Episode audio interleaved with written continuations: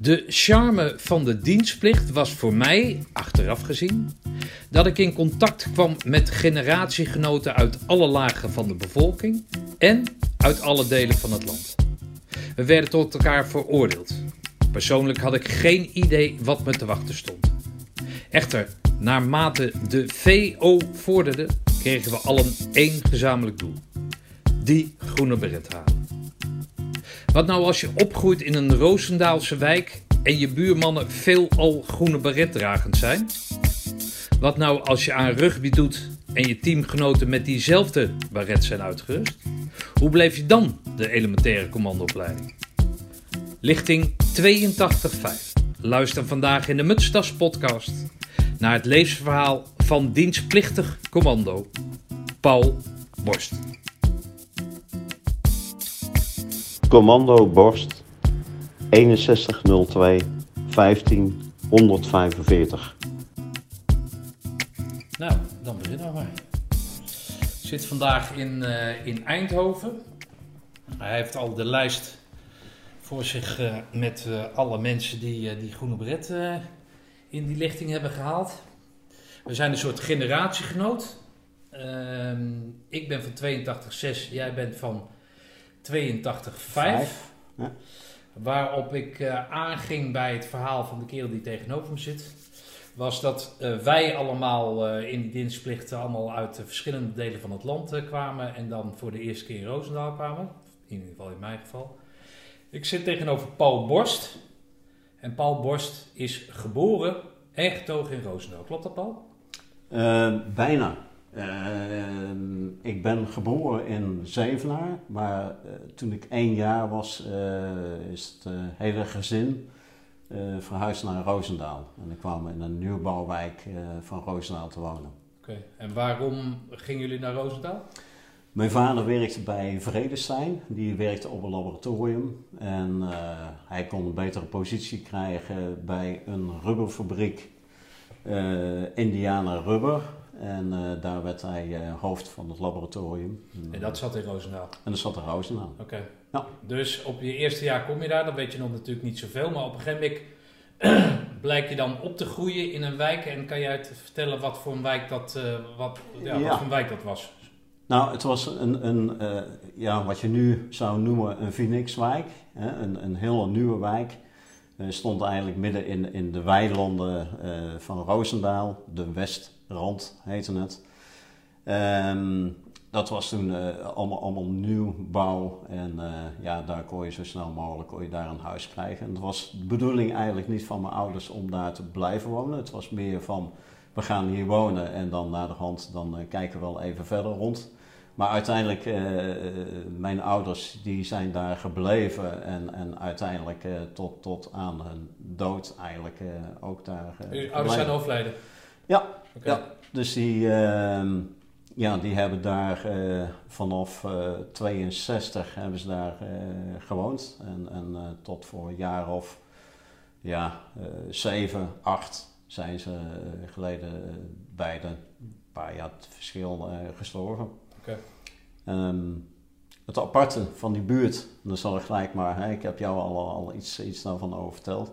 Aparte van die buurt was dat eigenlijk, het waren allemaal jongere gezinnen. Maar uh, het waren uh, ja, rijtjeshuizen.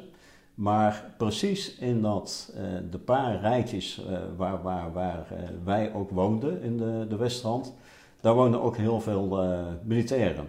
Hè, en allemaal van het KCT. En er waren allemaal instructeurs met hun gezinnen.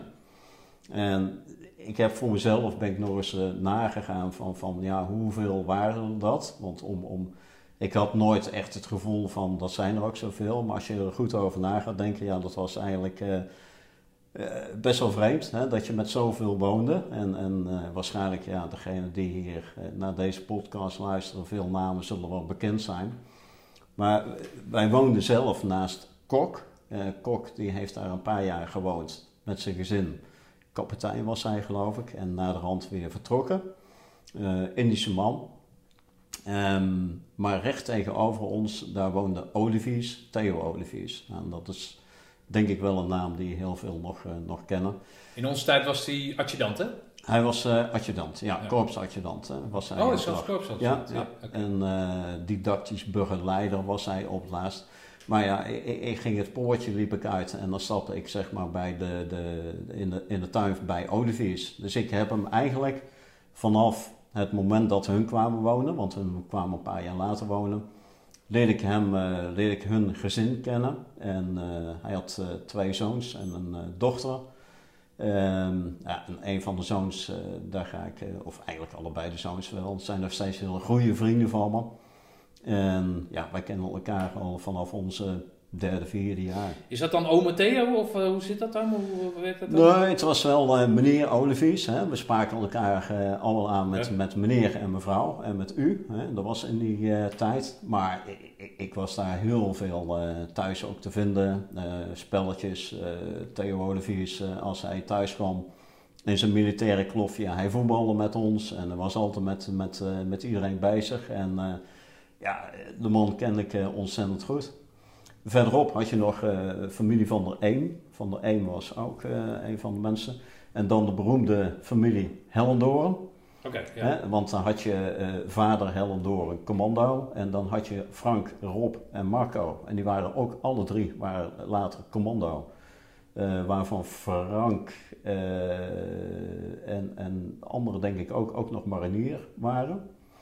En dan had je de familie Major. En de familie Major is later weer verhuisd. En dan kwam de familie Bokhoven voor in de plaats. Ja. En, en Bokhoven hebben wij allebei ook gehad. Adjudant.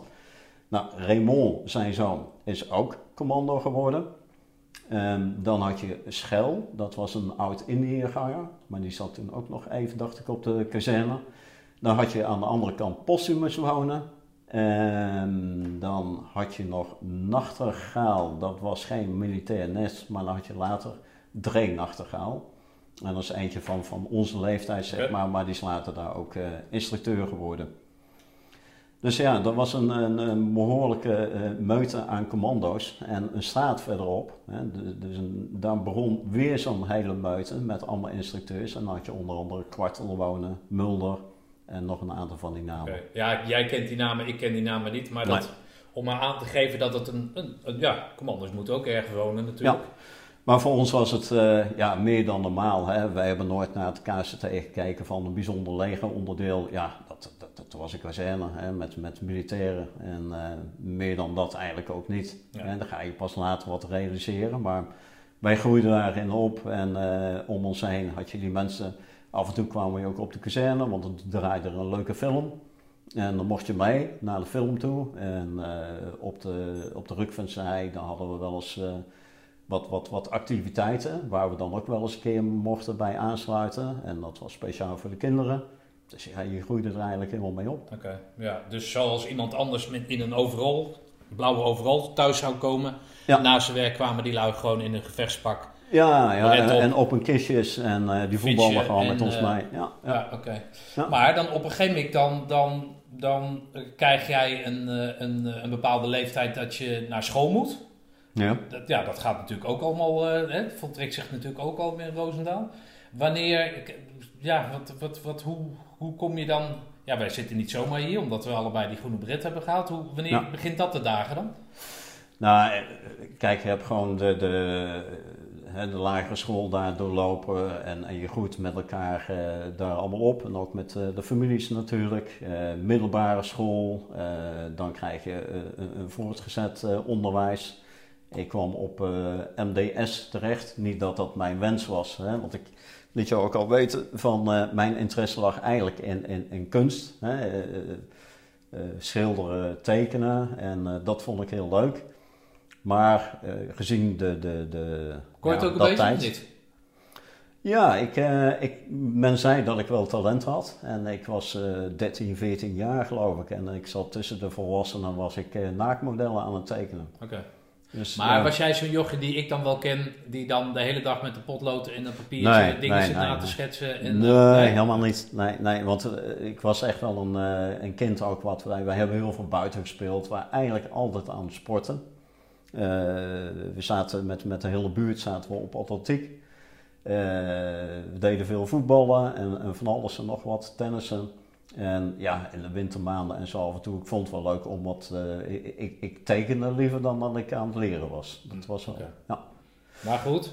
Nou, dat heb ik uh, zeg maar uh, nog een hele tijd volgehouden, hè, ook die, die school. Maar toen het bleek dat het er niet in zat, of althans mijn, mijn ouders vonden het beter van ga jij eerst maar een goede middelbare opleiding volgen. Want die zagen die zitten dat ik als een soort kunstenaar ergens op een zolderkamertje zat. Ja ga je eerst maar eens ook een keer een, goede opleiding volgen. En ik ging eigenlijk een beetje in de voetsporen van mijn kielzorg van mijn broer.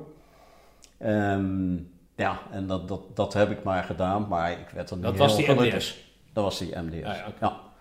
Uiteindelijk wel, wel uh, gedaan, ben je klaar met, met die MDS. Ja, en dan krijg je natuurlijk dat je opgeroepen wordt, of tenminste, dan wordt de, de, de dan zit je te wachten op je oproep voor dienst. Ja. En daar begon ik toen pas over na te denken van ja, oproep voor dienst. Maar wat wil ik eigenlijk?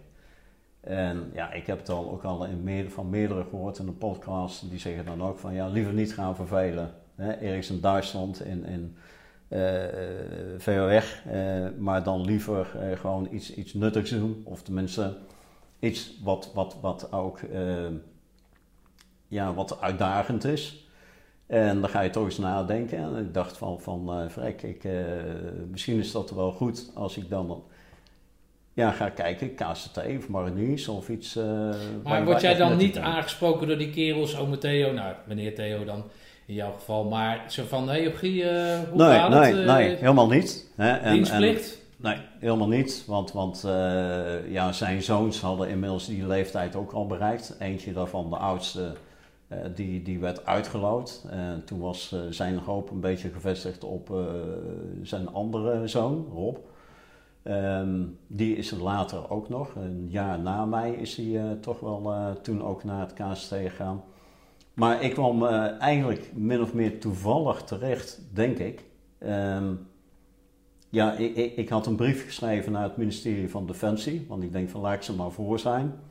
En, en toen het uh, ministerie van Defensie en uh, aangegeven van, nou, ik zou graag bij het KST willen opkomen of mariniers. En daar gaat mijn voorkeur naar uit. En ik ben maar dat was je nog niet gekeurd? Jij ik, wilde... ik, was, nee, daarvoor was ik al gekeurd, oh, net zoals iedereen. Okay. En dan hoe, je, heb je dus aangegeven dat je dat zou willen?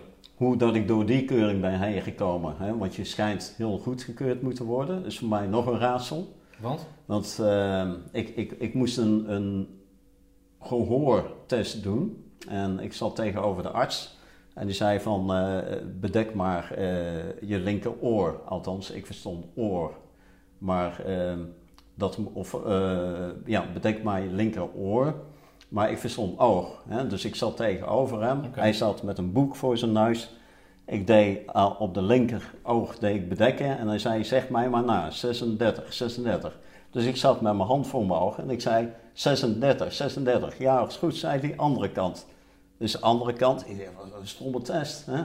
Geen idee. En later viel bij mij pas een kwartje dat we bezig waren met een. Maar dat was een blinde arts dat hij dat niet zag? Of had dat kwam hij zat achter zijn boek. Ah, dus ja, er waren allemaal vrij simpele testen. Okay.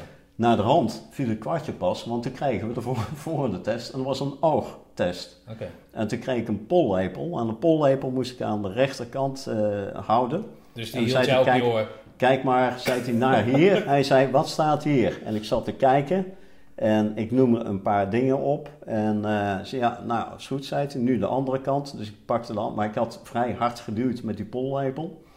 En uh, hij zei, en, en wat is dit? Ik zei, ja, K en uh, de volgende letter. Of wat is de volgende? Ik zei, ja, L en dit. En wat staat hier? Ik zei, ja, P. Ja, stop maar, zei hij. Hij zei, het zijn geen letters, maar cijfers. Okay. Dus ik denk van, ja, de man die denkt hè, dat, dat, dat ik blind ben of zo. Maar blijkbaar is het schijnbaar allemaal goed gegaan. De brief heb ik uit uh, opgestuurd met het verzoek KCT Mariniers. Maar werd dat dan ingegeven door een van je buurmannen? Van uh, dat moet je doen? Of uh, nee, dat was nee. gewoon puur allemaal. Puur, puur, puur. Ja, okay. want ik had de brief ingestuurd en, en de volgende dag lag al een brief met een oproep. Dus ja, dat kan, ja, hè, het kan niet daar uh, geweest zijn dat ze dat al gelezen hadden of wat dan ook. Dus ik denk van ja, shit, daar, daar zit ik direct toch in Zeedorf. Maar ja, niks schetste mijn verbazing. Ik werd oproep voor. voor In Roosendaal. Ja, eerst nog in, in een... Berg op Zoom, weet ik. Ja, daar ja. moesten we ons melden. Dus daar ben ik toen, ja, godzijdank ben ik toch daaraan kunnen beginnen.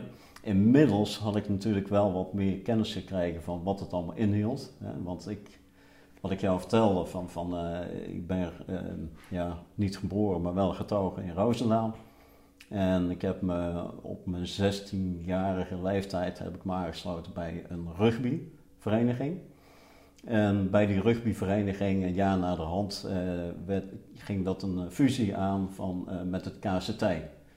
Dus toen de tijd al had ik uh, al de trainers, de rugbytrainers, ja, dan had ik Jus Breienburg, ehm, Ed Oskamp, Charlie Schuilenburg en al die mannen dat waren mijn trainers. En van hun had ik inmiddels al, en ook wel een beetje gewend geraakt aan, aan hun trainingen natuurlijk en hun omgang. Eh, want het werd toch een beetje op een militaristische manier werden we getraind door hen. Oké.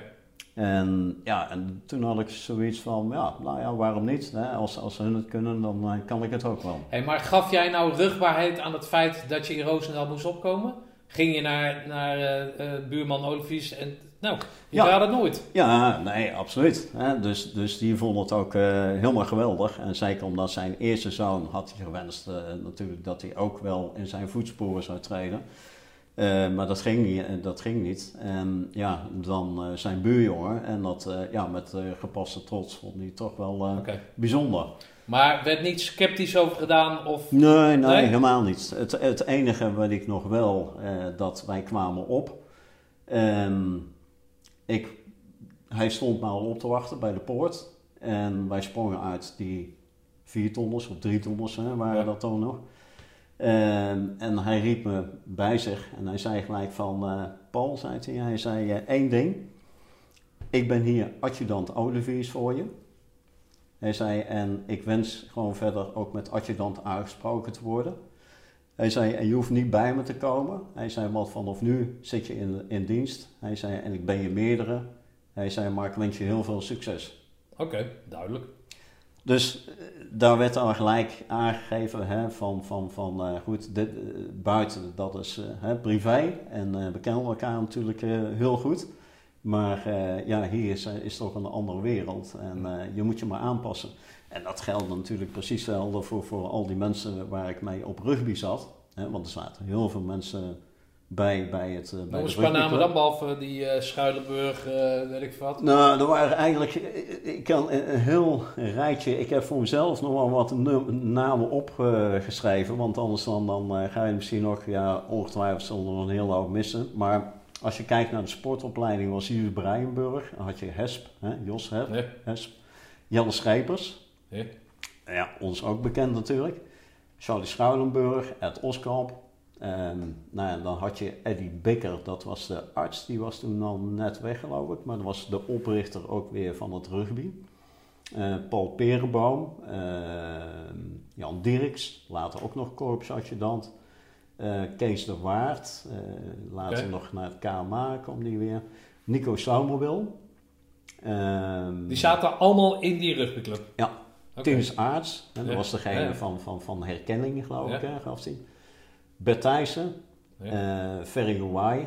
Helaas is hij later omgekomen met een parachutesprong.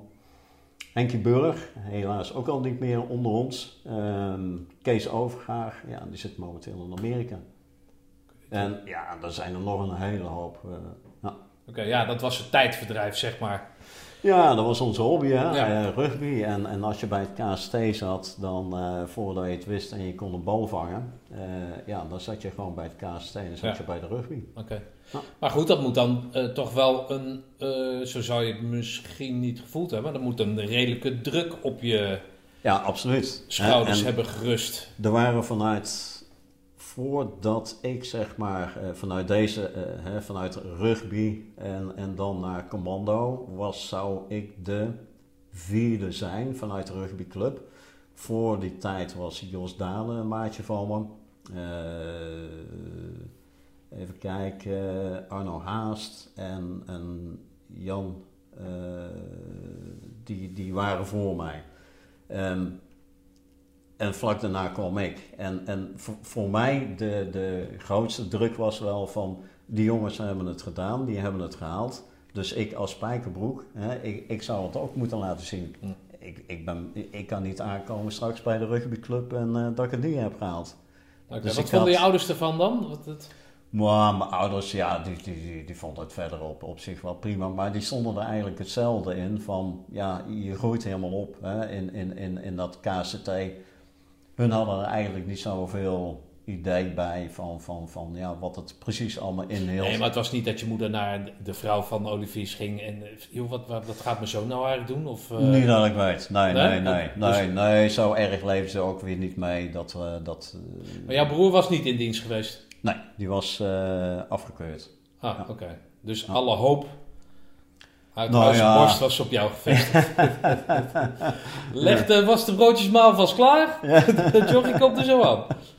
Hey, maar, eh, en eh, dus die druk die, die voelde je wel, maar dat, dat lag dan meer in jouw eigen ding om jezelf te bewijzen.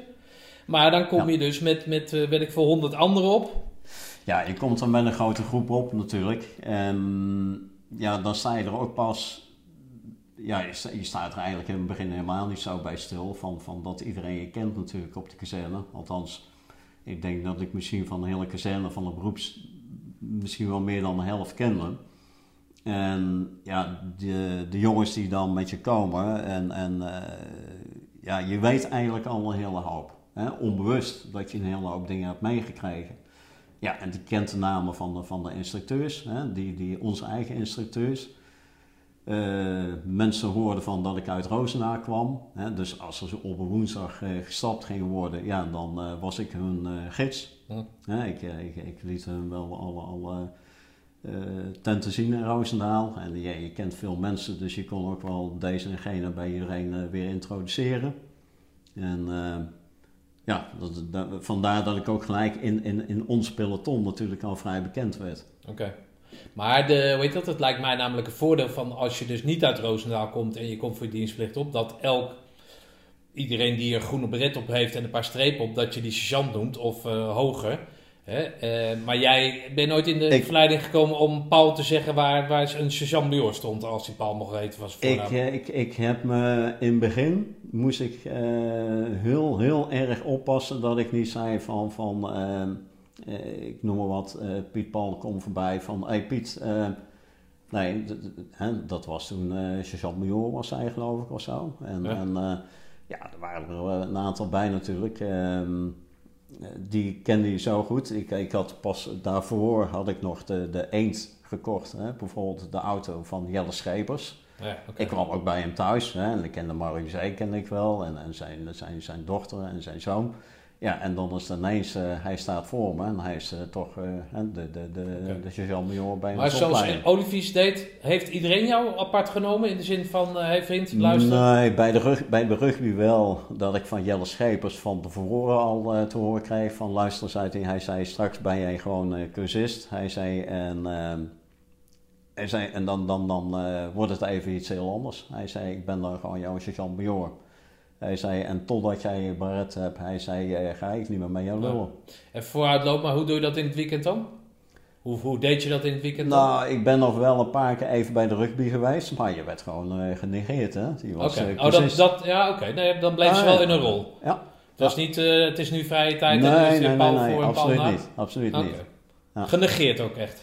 Eh, ja, je hebt al vrij gauw in de gaten. Maar de, de- je, je merkt ook wel gedurende de opleiding dat er een, een gigantische afstand is hè, tussen, tussen, tussen jou als cursist hè, of, of in het begin een opleiding en een sergeant. En dan kijk je er ineens heel anders tegenaan. Ja, oké. Nou, grappig Ja. toch? Gelukkig maar. Ja. Ja, voor hetzelfde Ja. geld was het eh, oude jongens krentenboot in het weekend en maandag weer... Hey, eh, vriend, ik eh, zou jou er doorheen loodsen. Maar daar, daar was geen nee, sprake nee, nee, van. nee, in tegendeel. Het was, ik, moest heel erg oppassen, hè, omdat ik natuurlijk, ja, iedereen kende me. En ook eh, de instructeurs, eh notabene de eh Siegel, hè, wat ook eentje was. Dat was de buurman weer van mijn zus. Ja, oké. Ja, en, en die vertelde wel eens aan mijn zus van, hè, jullie Paul en dit en dat. En, maar verder eigenlijk helemaal niks. Oké. En ik weet nog wel, Siegel kwam ik ook een keer tegen. Toen was ik bij mijn zus. En toen heb ik hem nog heel even gezien. En toen zei hij nog, hij zei van... laten we het zo doen, zei hij. Hij zei, als jij het haalt, hij zei, dan krijg ik een krat bier van jou. Als je het niet haalt, hij zei, dan krijg ik een krat bier van mij. Ik zei, ja, nou ja, prima. Ja. Als je het haalt, krijg Ja, dus hij draaide het eigenlijk om. Ja. Van, van, van, eh, Ja, ja, oké. ja, ja. Hey, en dan, eh, dan ga je dus die vooropleiding, ging je dat eh, een beetje redelijk af? Ja, de vooropleiding. hè, Want je was fit, denk ik. Ik, ja, ik was super fit. Hè? En ik had voor die tijd, het, het was net, ehm, bij rugby heb je altijd, eh, eh, midden in het seizoen ben je al super fit. Het enige wat je moet zorgen is dus in, de- in de zomermaanden dat je dan een beetje fit blijft. Nou, ik heb veel, ehm, ik was altijd aan het tennissen, ik was eigenlijk toch altijd wel aan het sporten. Ehm, ik ging, elke dag ging ik eh, een, een drie kilometer ging ik hardlopen, want ik wist je krijgt een Cooper-test. Ik denk, nou ja, Ja. gewoon elke dag ga ik drie kilometer.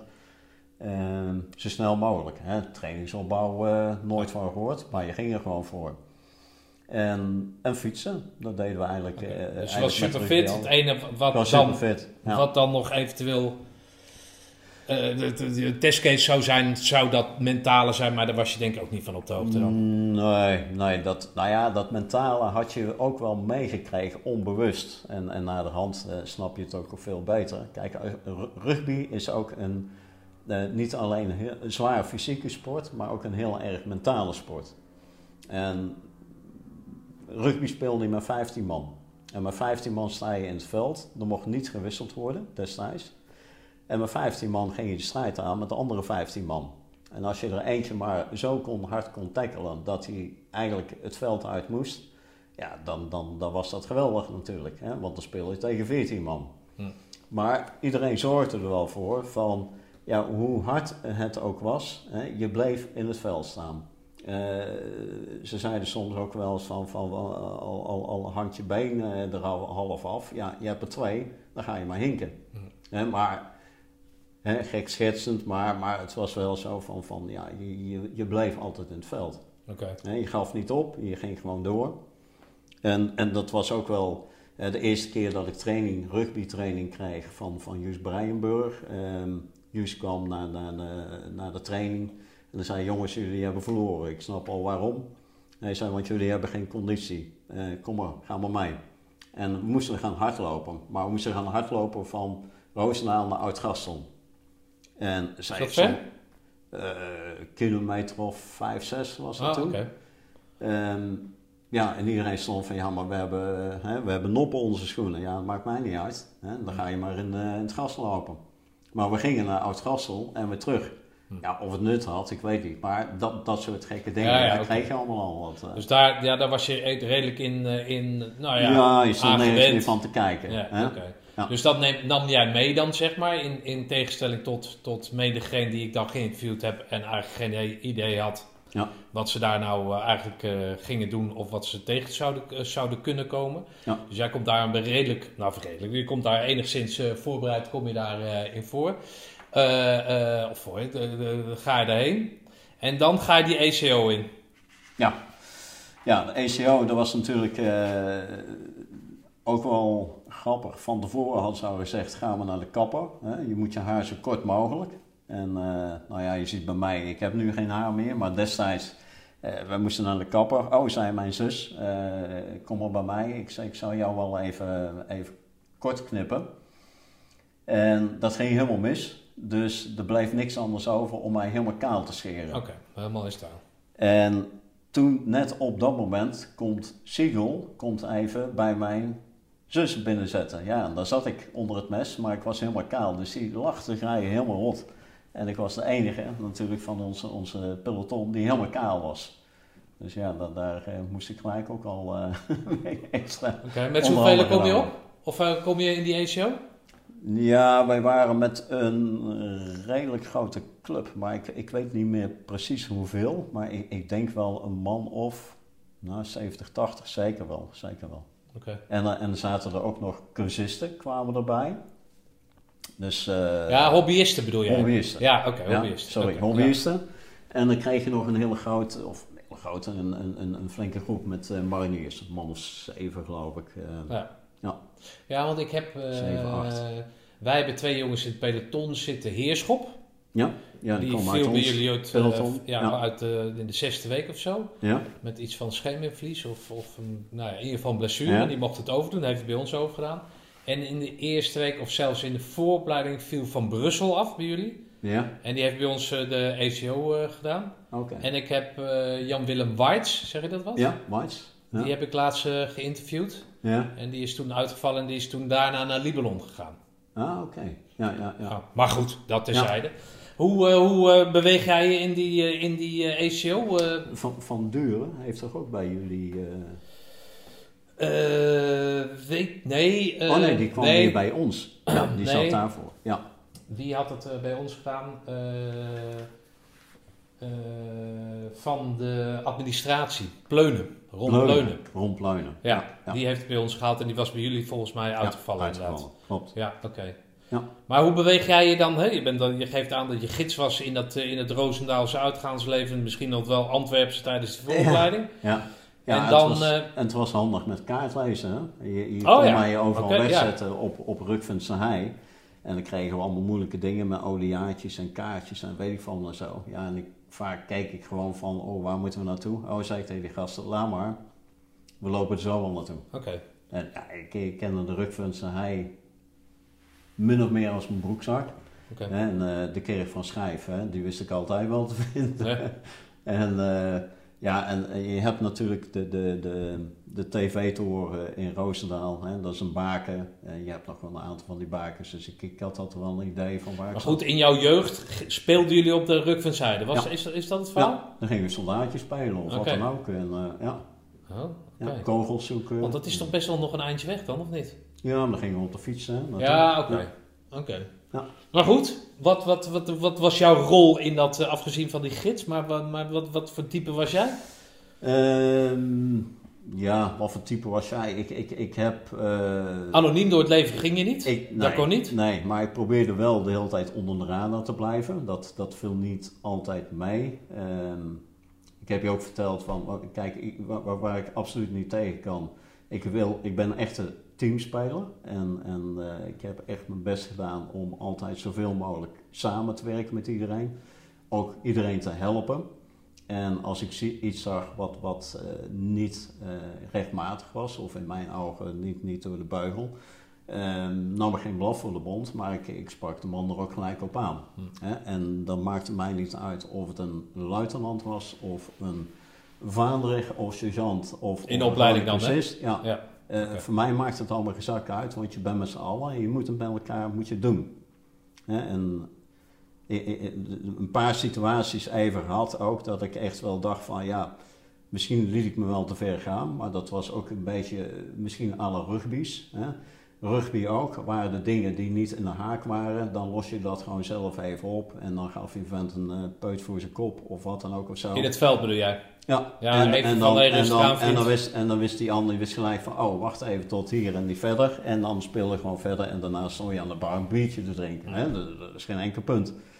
Ehm, maar ik merkte ook bijvoorbeeld met de mariniers, ja, er waren, dat heb jij waarschijnlijk zelf ook wel ervaren, er waren jongens eh, ja, die, die, die eh, wisten precies eh, hoe, het, hoe het werkte, beroeps. Hè? En, en die waren, hadden natuurlijk al veel meer ervaring.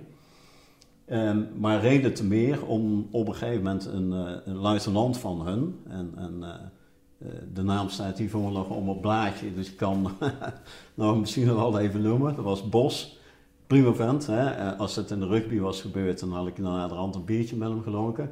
Maar s ochtends bij het ontbijt vond ik dat hij asociaal veel hagelslag op zijn brood nam. Hagelslag, ja, jam.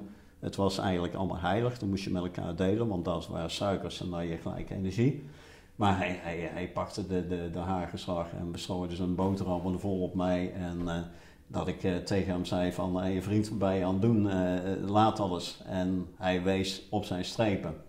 En hij zei van, hey, weet je wel tegen wie je het hebt? Ik zei, dat maakt me niet uit. Ik zei, maar we delen gewoon met elkaar. En nogmaals, wees hij op zijn strepen, ja, en dan is bij mij gewoon klaar. Dus ik trok hem over tafel en ik heb hem gelijk bovenop zijn gezicht geslagen. En toen dacht ik van, oeh, dat is niet goed. Nee. Hè? En eh, nou, dat werd eh, ook eh, opgemerkt natuurlijk, dus ik moest gelijk bij een paar instructeurs komen. Ja, ik, ik meen te herinneren dat Bert Thijssen was. Hè, die daar toen net aanwezig was. En nog, nog geloof ik een paar. Maar ja, goed, die kennen ze allemaal wel. Dus die eh, vroegen mij, terwijl er niemand bij was, van... Hé hey Borstel, wat was dat nou? Ik zei, hij nam gewoon veel te veel haarslag. Uh, die viste ik. En waardoor ze eigenlijk min of meer wat aan het grinniken waren. En zoiets van, ja, shit, borst, dat kun je niet maken, weet je wel. Nou ja, wegwezen. Okay. Dus ik, ik, ik maar dat zagen ze door de vingers dan? Of, of ik moest een paar keer opdrukken en, ah, en ze hadden het verhaal gehoord. En ja, ik zat, daarna zat ik wel zoiets in de rad van... Ik ben benieuwd hè, wat ze hiermee gaan doen. Want voor nou ja, en wat gaat die ja, bos ermee doen? Ja, en, en, en voor hetzelfde geld uh, lig ik er straks uit. Ja. En, en, en, en, daarna ben ik naar die bos. Ik ben ook nog naartoe gegaan. Ik heb ook gewoon gezegd, ik zei, ja, ik zei, sorry, ik zei, maar hè, zo doen we het, hè, met elkaar. En het kan wel zijn dat je hoger in rang bent, of, maar we zijn nu met z'n allen cursist en we moeten met z'n allen doen. Wat zei hij dan? Weet ik niet meer, weet niet meer. Nee, maar je kreeg geen cookie terug of... of uh... Nee, nou ja, hij was uh, not amused, hè. Ah, en okay. uh, kijk, als je een peut op je neus krijgt als meerdere, ja, dan is... Hm. zeker bij de mariniers niet dat... Okay. Hey, Thijs, Siegel noem je? Noem nog eens wat instructeurs. Ja. Ehm, Had je ja, luitenant vroeg op als commandant? Ja, vroeg op. Ja. ja. En, en, schepers? Ja, schepers natuurlijk. eens even kijken. Die hadden we nog meer. Otter, als Jean Otter, ja, ja. marinier hè, ja? was dat. Ja. En van de Anker, van de Anker, ja. geloof ik ook. Ja, ik denk dat wij dezelfde hadden inderdaad. Ja, ja, ja. ja. zo'n beetje dezelfde club, die hele lange. Um, ja. Die, die, die, als hij voorop ging marsen, dan, uh, ja. dan had je het uh, zwaar. Ja, kut, hoe heet hij nou? Ja. ja, ik heb het pas geleden nog ja. gevraagd. En, uh, ben even zijn naam kwijt. Nou ja, en dan, dan krijg je die sportinstructeurs. Uh, had je Aad Vrij of Chant Vrij. Ja. ja. Niet te vergeten natuurlijk. Ja. En, ja. Oké. Okay. Oh ja, en, en natuurlijk, je hebt je pas geleden ook nog geïnterviewd. Nou, die zo heel hard moesten lachen altijd. Oh, uh, ja. ja. van de Putten. Van de Putten, ja. natuurlijk. Hoe kan ja. ik hem vergeten? Ja, okay, en die kende ik weer van tennissen van vroeger. Oh ja, ja die tennissen. Want wij zaten op dezelfde tennisclub. Oh, oké. Okay. Dus daar had je ook nog een, een lijntje mee. Okay. ja. grappig inderdaad.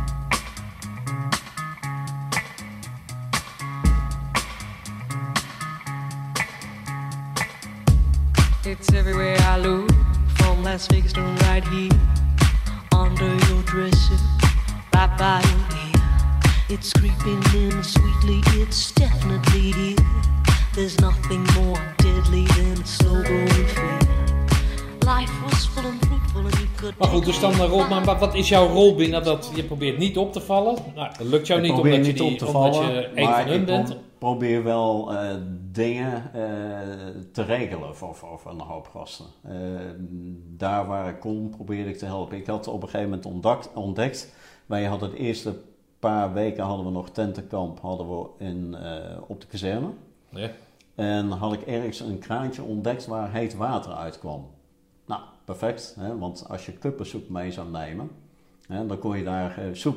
Maar, dus ja. ik had tegen die gasten gezegd, daar heet waterkraan enzovoorts. Dus s'nachts, dan deden we wel sneaky, als we even de tijd hadden, daar even soep maken.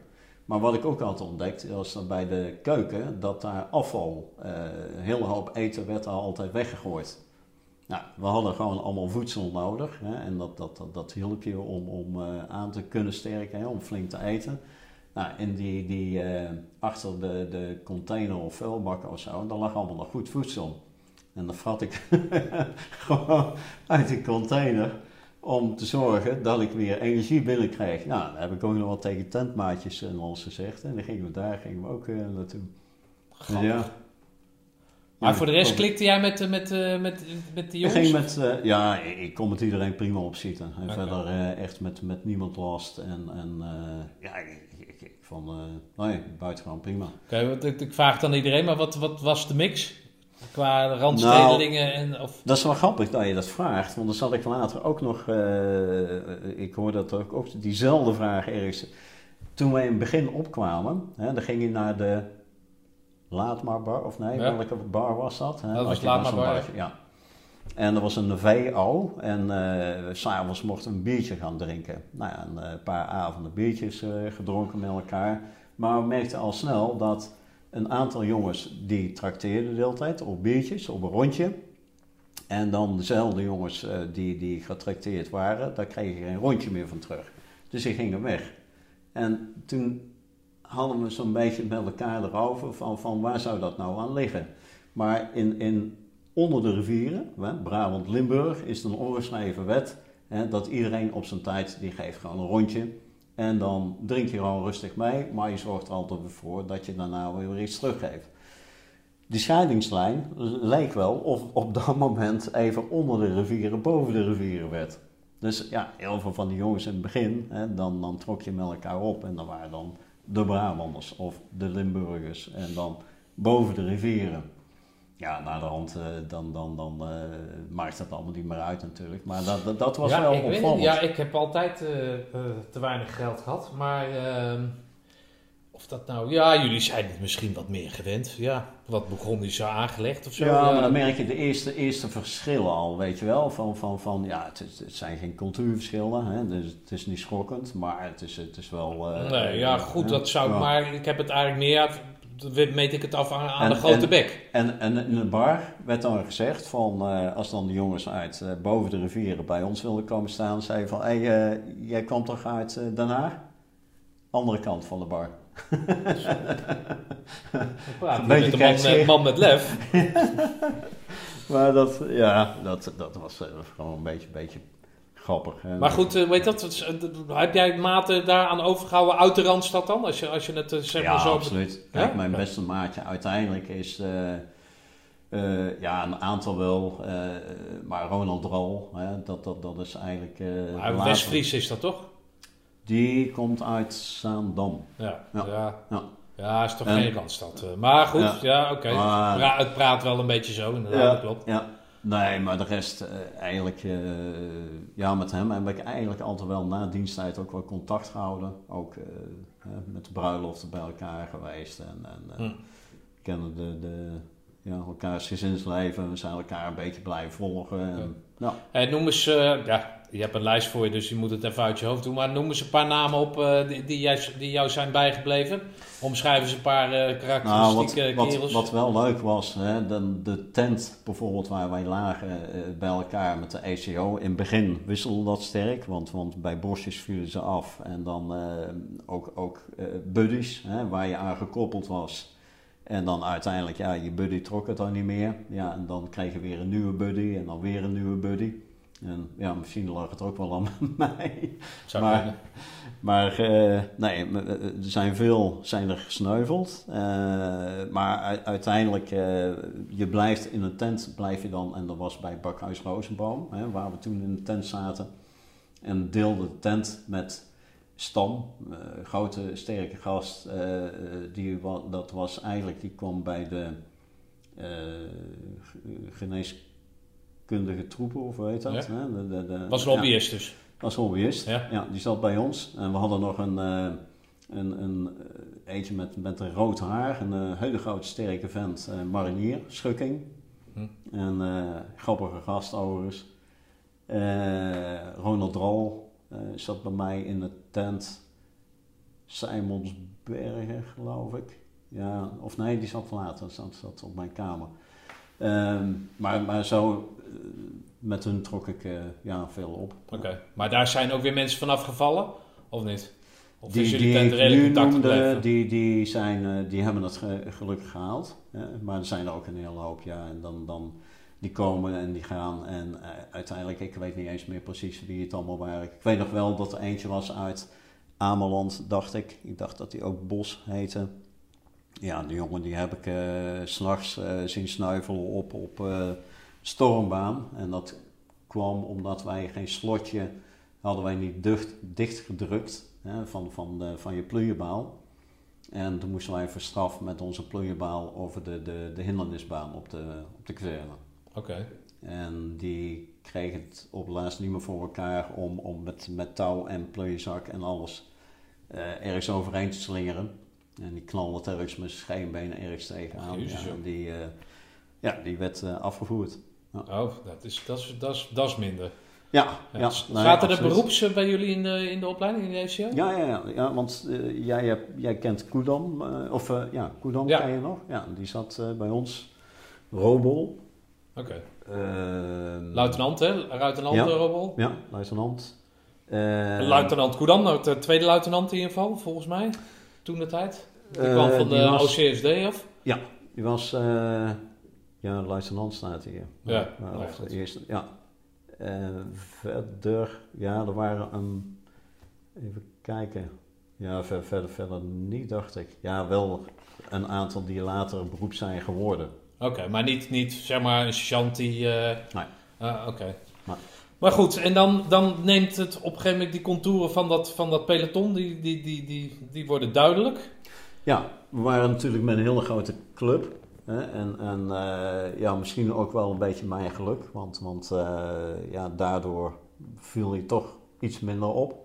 Als die club nog wat kleiner was geweest, ja, dan had ik waarschijnlijk... eh, maar ik, ik, ik, ik was wel degene altijd die ze wisten te vinden van... moest er iets gedaan worden, georganiseerd worden of wat dan ook of zo. Ik mocht gelijk naar voren komen. Ik moest de boel laten zingen. Ik, ik moest de boel organiseren om, om een vuurtje te maken tijdens de regen en, en allemaal dat soort gekke Gewoon een makkelijke dingen. achternaam, zeg je. Ja, ja, ja, maar ja, goed, ze kenden mij. Hè. Nee, Dus, oké. eh, maar had je het gevoel dat ze je extra ertussen namen? Of in ieder geval extra aan het testen waren?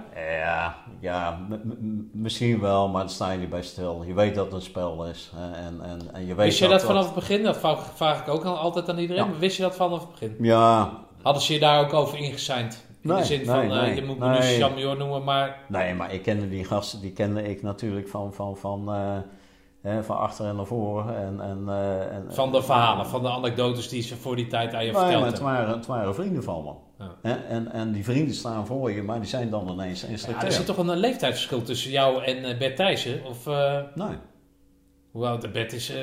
oh, het- ik heb een laatste... Wat die is? Bert is begin 60, denk ik. Oké, hoe Ja, oud ben jij dan? Volgende week 60. Wat verdomme, ja, dat, ja, als je zo'n auto hebt, zou ik dat niet zeggen. Ja, je kan het niet zien, want het is een podcast. Weinig geleden. Zit er godverdomme een jong kerel tegenover. Ben jij eens bijna 60? Oké, Ja. ja, dan scheelt dat inderdaad niet zoveel. Ja, nee. Oké. Oké. Maar Nee, goed, en- je, gaat richting, eh, richting het einde, dus je... De, Ja, ik ga richting eh, het einde. Eh, op het laatst eh, kreeg ik het helaas ineens eh, stukken moeilijker. En niet zozeer fysiek, ook niet mentaal. Maar ik had één domme fout gemaakt. En eh, dat was, eh, ik denk in de vijfde week of zo. Eh, ik ben thuis in het weekend. eh, de pedicure is bij, bij, mijn, is bij mijn ouders. En zij zegt van, goh, jij zult ook wel wat eh, moeite hebben met je voeten. Ik zei, nou, ik, ik heb genoeg eelt, hè, dat is prima. Ja, maar eelt is niet goed, zei ze. Eh, je moet dat ook een beetje bijhouden. Ik zei, nou ja, goed. hè, dan, dan, ik zal er wel verstand van hebben. ja, dus ik liet mijn voeten behandelen en verdomme, ja, al, al mijn eelt werd eraf gehaald. Kun, hè, eh, gewoon, gewoon heel professioneel, heel mooi, maar ik had gewoon weer twee nieuwe poedelige voetjes. eh, waar ik al die marsen en alles mee moest gaan doen. Ja, het klinkt niet, niet echt slim inderdaad. Nee, Ook al is het dus, 40 jaar ja. terug, maar... En dus op dat moment, ja, dan, dan sta je er niet bij stil. Maar ik had al snel in de gaten bij, bij het eh, marsen. Ja, ik liep gelijk twee gigantische blaren om mijn hielen. Daaronder ontstonden nog een keer blaren. En, en zo ging het maar door. Totdat je, nou ja, op bot nog net niet, maar flinke gaten waren ontstaan. De hele boel was gaan ontsteken. Daardoor kreeg ik een lies of, of een, een, een lymfeklierontsteking. En ja, in... in eh, Omdat het doorschiet door dat, door dat gat, laten we het gat noemen. Ja, Oh, en, oké. en eh, ik kreeg een paar van die grote tennisballen eh, erbij, zeg maar. Waar? En eh, in mijn liezen. En er waren mijn lymfeklieren. Oh. En die waren opgezet. Heb je die vrouw nog wel bedankt? Nee. Oh, niet bedankt. Oké, nou bij deze bedankt nog. Ja. maar op dat moment werd ik dus, eh, ja, wij hadden een putoefening en eh, ik, kon helemaal niet meer lopen. Nou, en toen zei ze van, weet je wat, ga jij die putdeksel maar maken en ga maar graven op je knieën. En zo heb ik nog de, de oefening uh, af kunnen maken. Ja, en vrijdags of donderdagavond was dat. we werden allemaal opgehaald. Ja, en ik, ik, kon niet eens meer lopen. Ja, zei ze dan, dan, dan gaan we kruipen. Dus ik, ik ben kruipend, tijgerend ben ik teruggegaan naar het voertuig en werden we afgevoerd. En toen heb ik me gemeld bij de MGD. En vrijdags uh, hadden ze geconstateerd van ja, uh, blijf maar hier, want je hebt uh, twee ontstekingen. En dat, daar, moet, daar moeten we iets tegen doen. Dus ik heb daar met van allerlei toestanden hebben ze geprobeerd die gaten te dichten. Of, of in ieder geval dichter laten groeien bepaalde lampen erop en weet ik Op je voeten? Om hielen. Ja. Oké. Maar ja, niks hielp. Hè. Dat blijft hoe kan je dat nou in, in, twee dagen doen dan? Weekend? Dat ja, gaat niet. Ja? niet. Dus ik weet nog wel dat, dat uh, ze hebben toen een paar... Uh, toen is op, op die vrijdag was het ook Sinterklaasmiddag. Ja. Ik ben daar uh, met de ambulance naartoe gegaan om mijn krukken. En na de hand ben ik nog even thuis geweest en moest ik weer, daarna weer terug naar de MGD. En heb ik uh, een paar dagen in het uh, hospitaal gelegen, op de kazerne. En toen kwam... maar waren zij dan wel... Hadden ze die kennis dan? Of moest je niet naar een gewoon ziekenhuis dan? Nee, nou ja, voor hun was het duidelijk. Hè? Het was gewoon een einde oefening. Okay. En toen kwam op, op uh, één of twee dagen in, in, in het ziekenhuis. Toen kwam uh, uh, vroeg op, kwam naar me toe, samen met schepers en met de arts. En die zeiden van, nou Borst, we hebben het allemaal bekeken en ehm, ja, helaas, maar hier houdt het op voor je. Ik zei, hoezo? Ja, zei ze, het is niet verantwoord om, om verder te gaan hiermee. Ik zei, nou, ik zei, dat maakt mij niet uit. En ik zei, dan ga ik wel op eigen risico verder. Dus zei ze, ja nee, maar dat gaan we niet doen. Ik zei, nou ik denk het wel. En, en, en vroeg op, die stond er gewoon even bij te kijken van, wat, wat doet die gek nou allemaal? Maar hij ging me gewoon aankleden. En ik heb een plooienbaar gepakt, ik heb een spullen gepakt, ben aan gaan kleden. Maar die ballen had je nog steeds in je liezen zitten? Nou, de ballen waren een beetje weg. Dat meen je niet, of gaat dat zo snel weg? Ja, ja, dat was toch uh, vrij snel. Hè? Dus er was geen infectie meer, maar ik had nog steeds die gaten in mijn, in mijn hielen zitten. Hm. Maar ik denk van ja, dan maar pijn. Dus ik heb die sokken erover aangetrokken. Nou, ik, ik, ik stieren van de pijn. Uh, toen moest ik die pleurenbaan van 60 kilo op, op me nemen. En ik strompelde het, het hospitaal uit. Ik denk, nou, ik ben benieuwd hoe het gaat. Op het hoekje stond uh, Schijpers, Jean-Major Schijpers.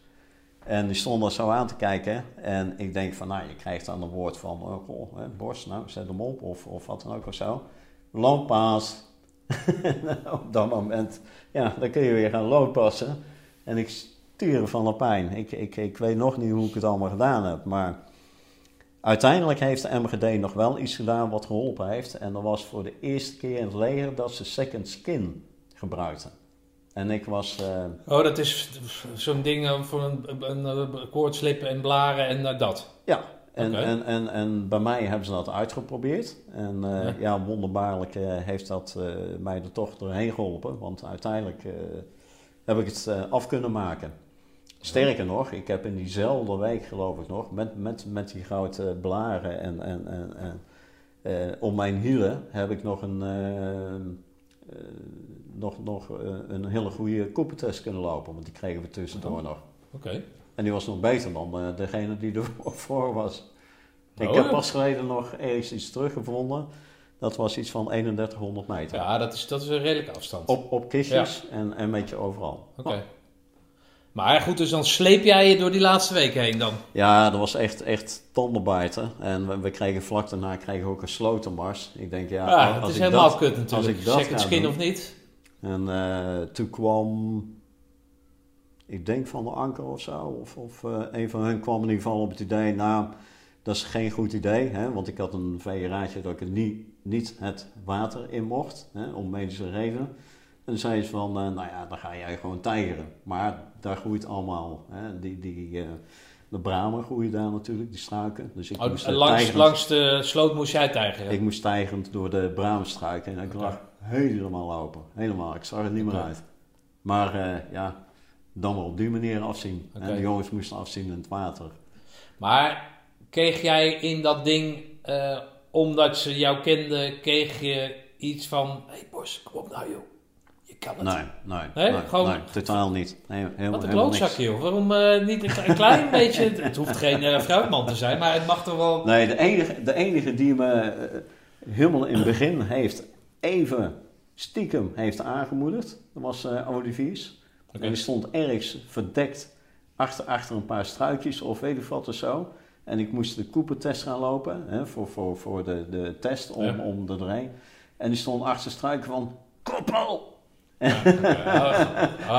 En verder helemaal niet. Nee, nee. Hey, maar dan, dan, dan een- ja, ik, vond- wat ik altijd een, eh, daar wil ik eigenlijk een aparte rubriek van maken. Maar eh, wat is jouw favoriete dieptepunt dan?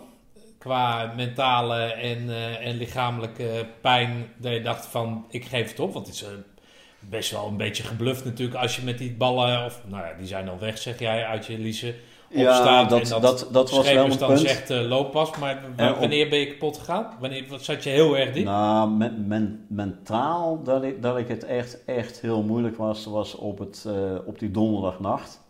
Dat ik echt helemaal niet meer, eh, geen, geen, geen poot meer kon verzetten. En dat ik tijgerend terug moest naar, naar, naar, naar, naar, een, naar een voertuig, omdat ik niet meer kon lopen. En op dat moment dat je daar zit en dat je voelt gewoon van, het gaat niet meer. Hè? En, en dat je moet, de handdoek in de ring bijna moet gooien. En da- ja, daar staat, eh, hè, de tranen zijn dan... eh, Oké, maar wat hield jou dan... eh, ja, het lijkt net alsof je in Vietnam 30 man hebt omgelegd. maar wat, nee, maar wat, wat... Wilde je dan omwille van je omgeving niet opgeven? Of wat was het? Dat speelt zeker mee. Hè. Ik had ook allerlei scenario's komen dan in je op. Eh, ik had ook nog in het hospitaal, dat was eh, echt, echt hele, hele goede motivatie. Een vriend van mijn vader, oud Indiëganger, hè, dus eigenlijk ook weer een, een oud knuller, die ook altijd bij de reunies en dergelijke altijd aanwezig was. Die had het voor elkaar gekregen dat hij wel even op de kazerne mocht eh, komen en die is mij gaan bezoeken in het hospitaal. Ja, oké. En die heeft verder niks gezegd hoor. Die, die was alleen maar daar en even gehoord van oh, hoe is het nou, gewoon vervelend. En, en toen is hij weggegaan. En toen had ik zoiets van, potverdorie, wat, wat zit ik hier nou te zeiken om, om een paar blaren om mijn poten. Terwijl ik weet wat die man daar allemaal heeft eh, doorstaan. Hm. Heeft ook in Jappenkamp had hij gezeten en alles en zo. Ja, dan ga je Burma, Speurla- twee blaren inderdaad. En dan denk ik van ja jongens, hey, kom op. eh, Ja. Maar dan- dat was dus hetgeen waar je stuk ging. dat was even op, Maar op ook dat weer de moment, ommekeer. Ja, ja, Oké, ja, wat vrij snel. Ja. Oké, dus dan ga jij op je tanden bijtend ga jij, eh, ondanks een, een, een fantastische koepentest, ook gek natuurlijk. Hè? Ja, ja, belachelijk. Ja, een Nou, belachelijk- achteraf bleek verhaal. zelfs nog dat, dat, dat die eh, open wonden die het waren en, en die ontsteking, dat het eh, zelfs de laatste drie weken, dat gewoon helemaal dichtgegroeid was. Nou, Met die second skin. Hm. Dus ja, voor, voor, voor de MGD was het gewoon fantastisch nieuws natuurlijk. En ze hebben er allerlei foto's van genomen. Helaas heb ik die nooit meer gezien. Nee. Maar die hebben de foto's van voor hoe het was en, en, en na de hand. zijn hè. andere mensen heel rijk mee geworden. Waarschijnlijk. Waarschijnlijk, ja. Met was- dank aan. Oké, dus maar op een gegeven moment, wanneer, wanneer gaat die pijn dan over? Wanneer gaat die pijn over in, in zo van, nou nog even een paar dagen jongen en dan, eh, wanneer, wanneer treedt Nou, dat in het bij ging, jou? Het ging, ging daarna weer snel weer wat, wat beter. Ook, ook eh, met, met mijn voeten. En eh, ja, de laatste week is altijd lastig natuurlijk. Hè? En ik, ik- het was stervenskoud. We zaten in Zeeland. Ja, gekke dingen meegemaakt daar natuurlijk. Mijn maatje Ronald Dahl, hè, daar zaten we mee in het, eh, in het groepje. De laatste eh, oefeningen deden we met z'n vieren dan. En, en hij zat eh, bij mij. En ik weet nog dat Ronald op een gegeven moment ook een keer tegen hem zei van... Hey Paul, weet je wat goed is, wat lekker is? Het was hartstikke koud, hè? wind en weet van me zo. Hij zei, je, moet- gewoon naar je broek pissen, het is lekker warm. ik denk van ja, als we nou al zo ver gezonken zijn. Maar ik zei ja, nee sorry, dat... eh nee. Dral was Nederlands kampioen eh stratenmaker, Stratenmaker, toch? ja. Ja, ja. Hij, hij was eh, berensterk. En ik, ik weet nog wel dat in, in het begin ook, ik verbaasde mij, wij moesten touw klimmen. En iedereen klom met de schipperslag, hè, gewoon op Ja. techniek. En hij klom gewoon met zijn armen gewoon naar boven toe en deed gewoon een paar keer. Oké. Beren, beren sterk die vent. Oké, Ja. Maar die was al voor dienst was hij aan het werk natuurlijk. Dus Ja. die had gewoon ja. Ja, die had gewoon wat meegenomen aan Ja. kracht. En dan eh Ja. doorzettingsvermogen denk ik ook. Want de hele dag op je knieën, dat zal ook niet meevallen. Nee, en het grappige was van, van, van ja, ik, ik was wel redelijk sterk, ook wel meet ik wel vergeleken met anderen door het. Hè? Ja. En, en, eh, ja, en, en dan Ronald was mijn maatje, dus ja, wij liepen als. Hè? Ja. hey, luister eens. eh, dan is duidelijk wie jullie pelotonscommandant wordt hè, in die laatste weken dan. Of niet? Ja, eh, Omdat jullie voor- twee officieren als, eh als medicusist hebben. Ja, en, en eh, alleen kreeg je toen al in de laatste week, geloof ik, of dat, dat, dat was, er werd gevraagd, hè, dat was ook bij jullie in je peloton. Jongens, we hebben een hele hoop mensen, we hebben een hele hoop mensen nodig, ook voor anderen. Hè, we hebben parenpakkers nodig, we hebben chauffeurs nodig, we hebben dit en dat. Wie heeft er interesse in chauffeur? En Ronald... Maar hoezo? Want dat werd toch gewoon door Blenko's gedaan? Of, of, eh, Voorheen hè, werd het door Blanco's. Maar omdat wij zo'n gro- grote lichting hadden, Ja. eh, hadden ze ook zoiets van: ja, als wij straks eh, zoveel groepen hebben, dan hebben we ook nog mensen over en die kunnen we mooi op andere posities Ah, plaatsen. oké. Dus er werden andere functies moesten ingevuld worden door commando's. Ja.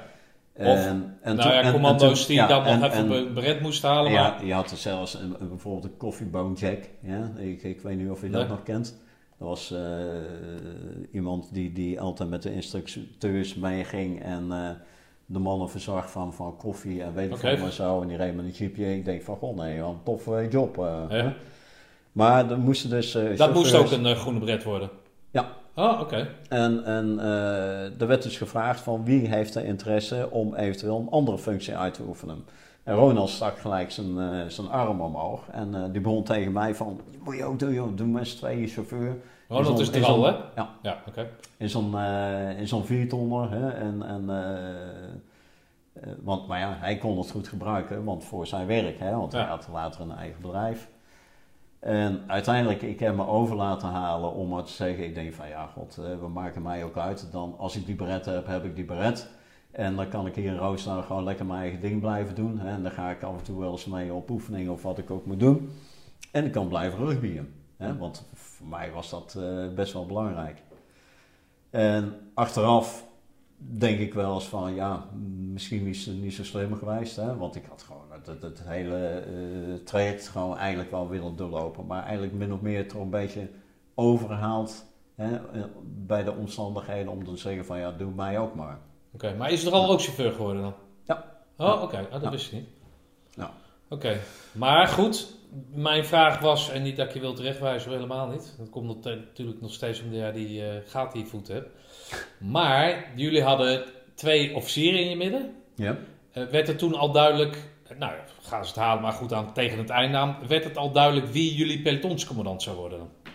Eh, ja, ja, voor de 104, ja, ja. Nou, dat, eh, en, Ja. en dat werd Robot dus. Eh, ja, klopt. Oké. Ja. Was dat een goede kerel? Of is dat een goede kerel? Ja, ik heb hem eigenlijk niet, eigenlijk zo- niet zo goed gekend, omdat ik na de hand natuurlijk, eh, ik kwam, ik zat wel bij de 104, maar ik kreeg een heel andere functie. Nee, maar Dus in die ECO bedoel ik. Ja, nee, was een Robo prima vent. Hè, en, en, Dat heb je niet. nee, want, want daarna kreeg ik een heel andere functie en dan hou je zelf met, eh, hè, ik werd eh, overgeplaatst naar een eh, rijopleiding. En eh, toevallig op de plek waar ik nu woon. Ja. Hè, je, Ja, dat er niks van, je ziet er ja. niks Ja, van. wel grappig. Ja, heel- bizar. van, maar eh, Maar blijkt dus dat de rij- en tractieschool precies op het plaats heeft gestaan in Veldhoven, waar ik nu woon. Of Eindhoven is dat Ja. dan. Ja. ja, grappig. hey, maar dan, eh, dan, dan, nou, dan ga je dus richting het Tranenpoort. Dan is natuurlijk die hele Phoenixwijk voor jou is natuurlijk uitgelopen. Of, of valt dat mee? Ja, er stonden echt, echt heel veel mensen. Maar ik heb het eh, gek genoeg niet zo meegemaakt toen wij in de buurt van de poort kwamen. Eh, ik kwam pas eigenlijk tot besef van, ik heb het gehaald. Hè. Er was tijdens eh, dat we bij, in de bar zaten met, met een bak koffie en een eh warm worstenbroodje. En dat ik zoiets had van, shit, ik heb het gehaald. Ja. En, en, en daarvoor is het eigenlijk een beetje een soort waas geweest. Ik weet nog wel dat wij vanuit Visdonk, hè, dan kom je dan, dat het laatste stukje bos, dan kom je over de Visdonkse weg, eh, ga je richting, eh, eh, ga je richting Roosendaal.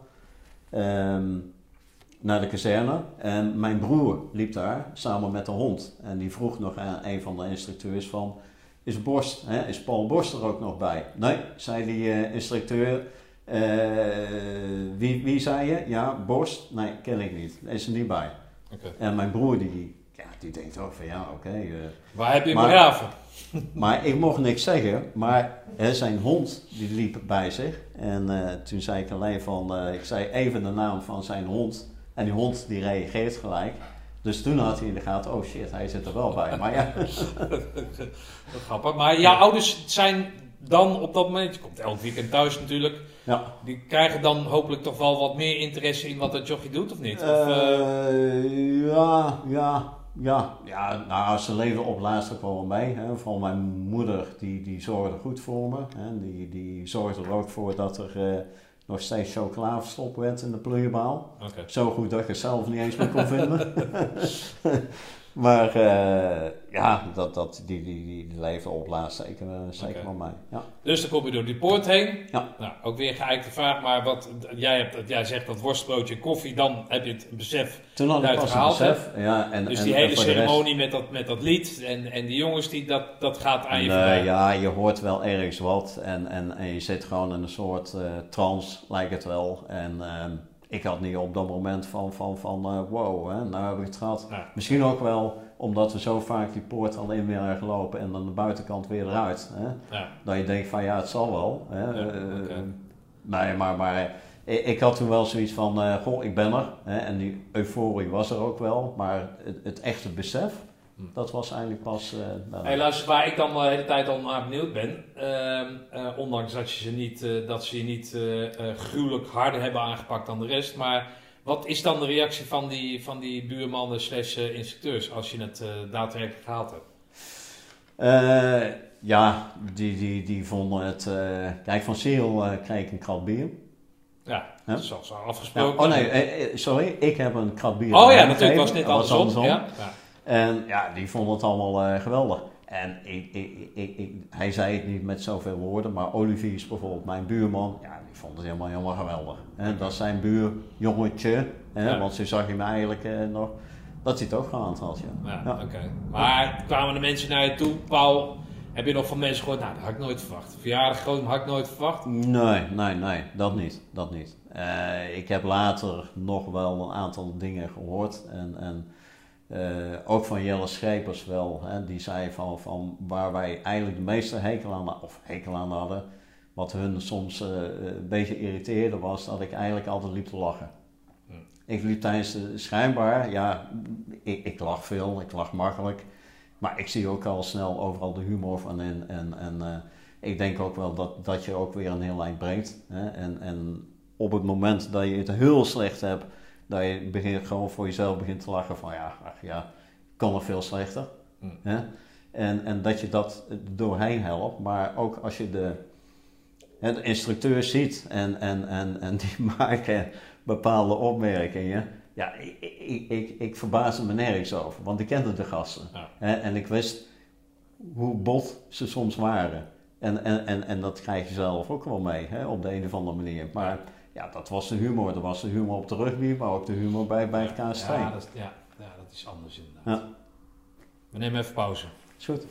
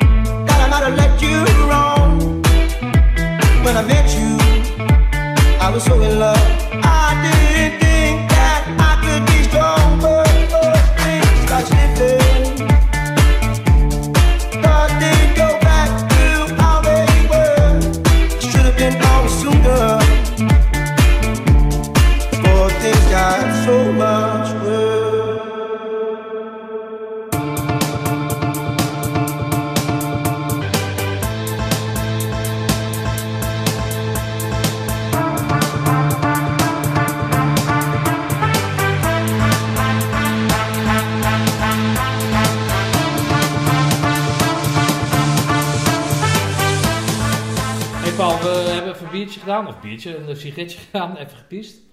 Eh, jij eh, hebt dan aangegeven samen of mede door Dral, of door Dral, eh, word je chauffeur.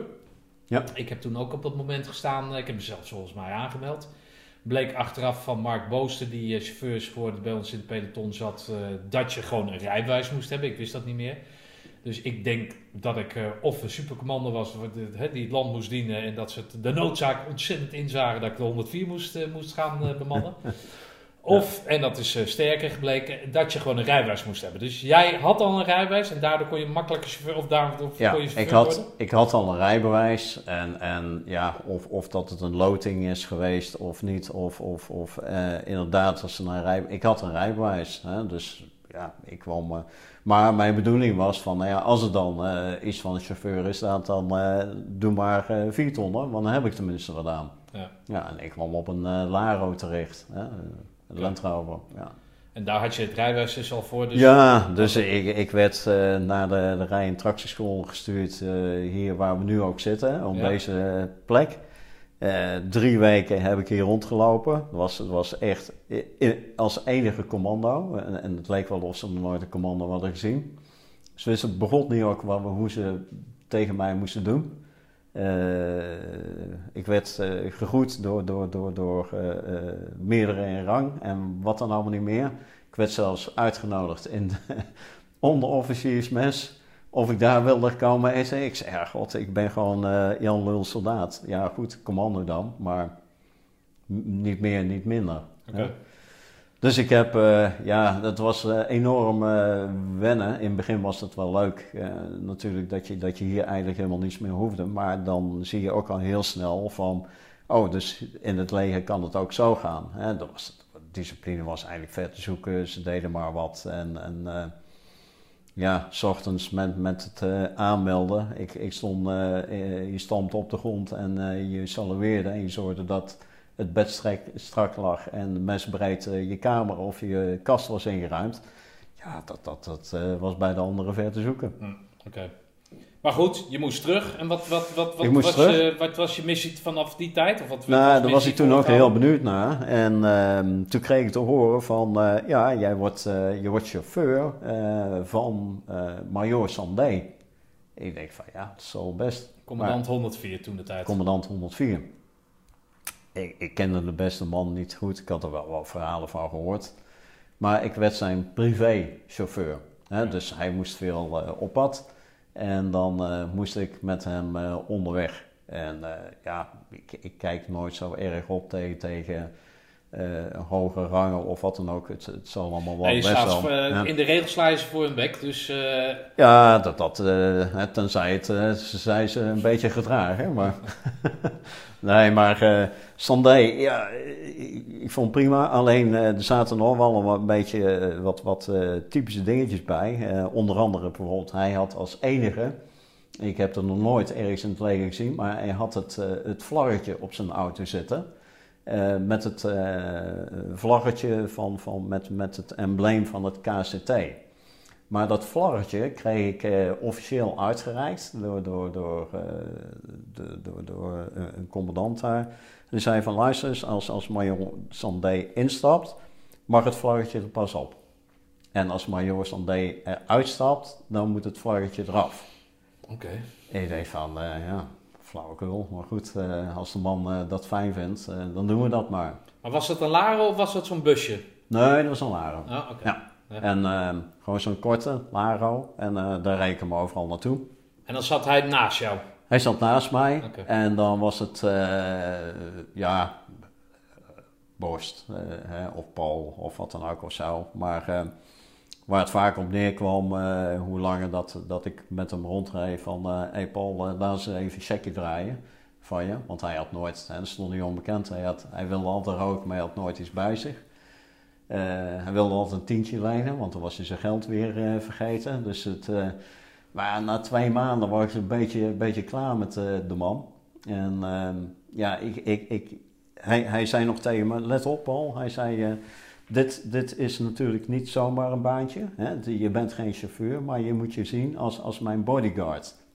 Ik denk, nou uh, ja, het, het, het, zal wel. Hè? Prima. Um, maar ja, het enige was met hem, ik, ik zette hem ergens af waar hij een afspraak had. En dan wacht ik een paar uur en dan uh, kon ik weer uh, terugrijden. Of, En in de tussentijd, wat deed jij dan?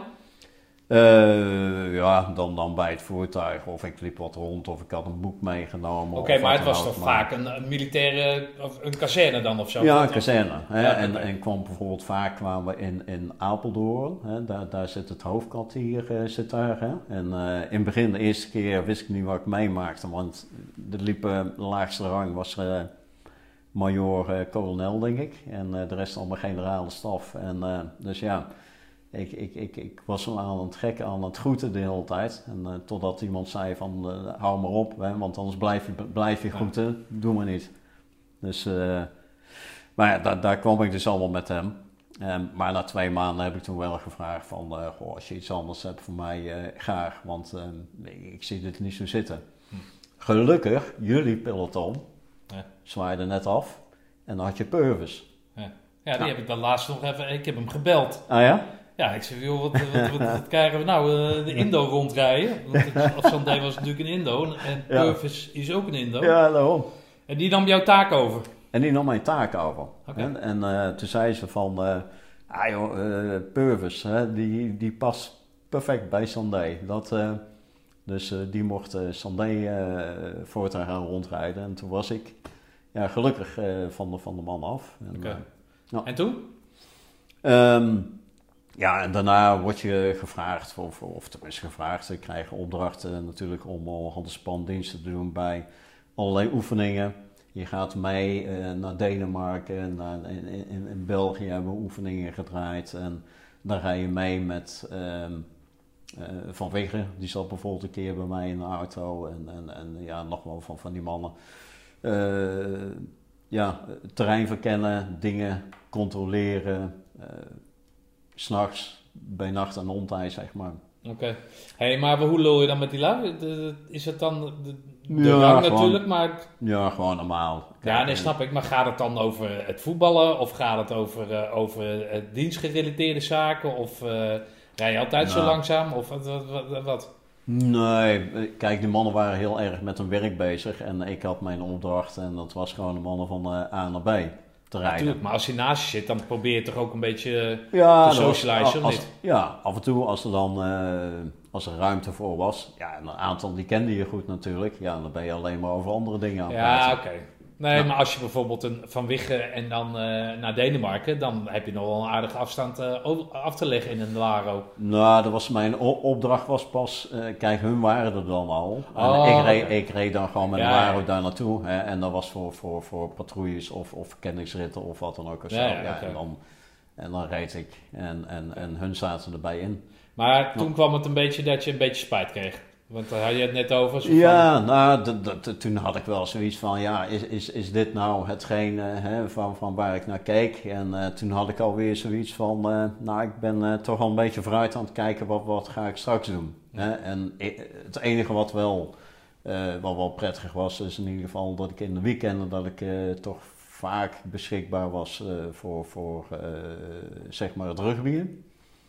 S S'avonds, eh, als, als we gewoon op de kazerne waren, eh, ik pakte mijn fiets en ik ging naar huis. Ja, ja, En- ja. En ik ging naar de, de rugbytraining en ik, ik pakte eigenlijk gewoon mijn gewone leven weer op. En overdag, ja, dan was ik daar aanwezig. Om, En dan ga je richting die burgermaatschappij. Er is dus dan geen moment geweest dat jij dacht, wellicht zoals anderen, van goh, dit moet ik maar tot mijn leven maken? Of, nou, mijn wens was eigenlijk al, en dat was eigenlijk voor mijn diensttijd al, om naar het buitenland te gaan. En eh, gewoon om wat van de wereld eh, te zien. Eh, maar ook voor mijn talen op te pakken, om dat goed te leren. Eventueel, als ik dan toch in Engeland ben, sluit aan bij een rugbyclub of in Frankrijk. Hè, en ga een beetje rugby, talen leren en wat werken. Dat was eigenlijk de opzet. Maar dat, dat is toen eh, niet meer ervan gekomen. Ik, ik, ik heb er nog wel aan gedacht om eventueel gewoon naar het buitenland te gaan, dat ik niet in dienst hoefde.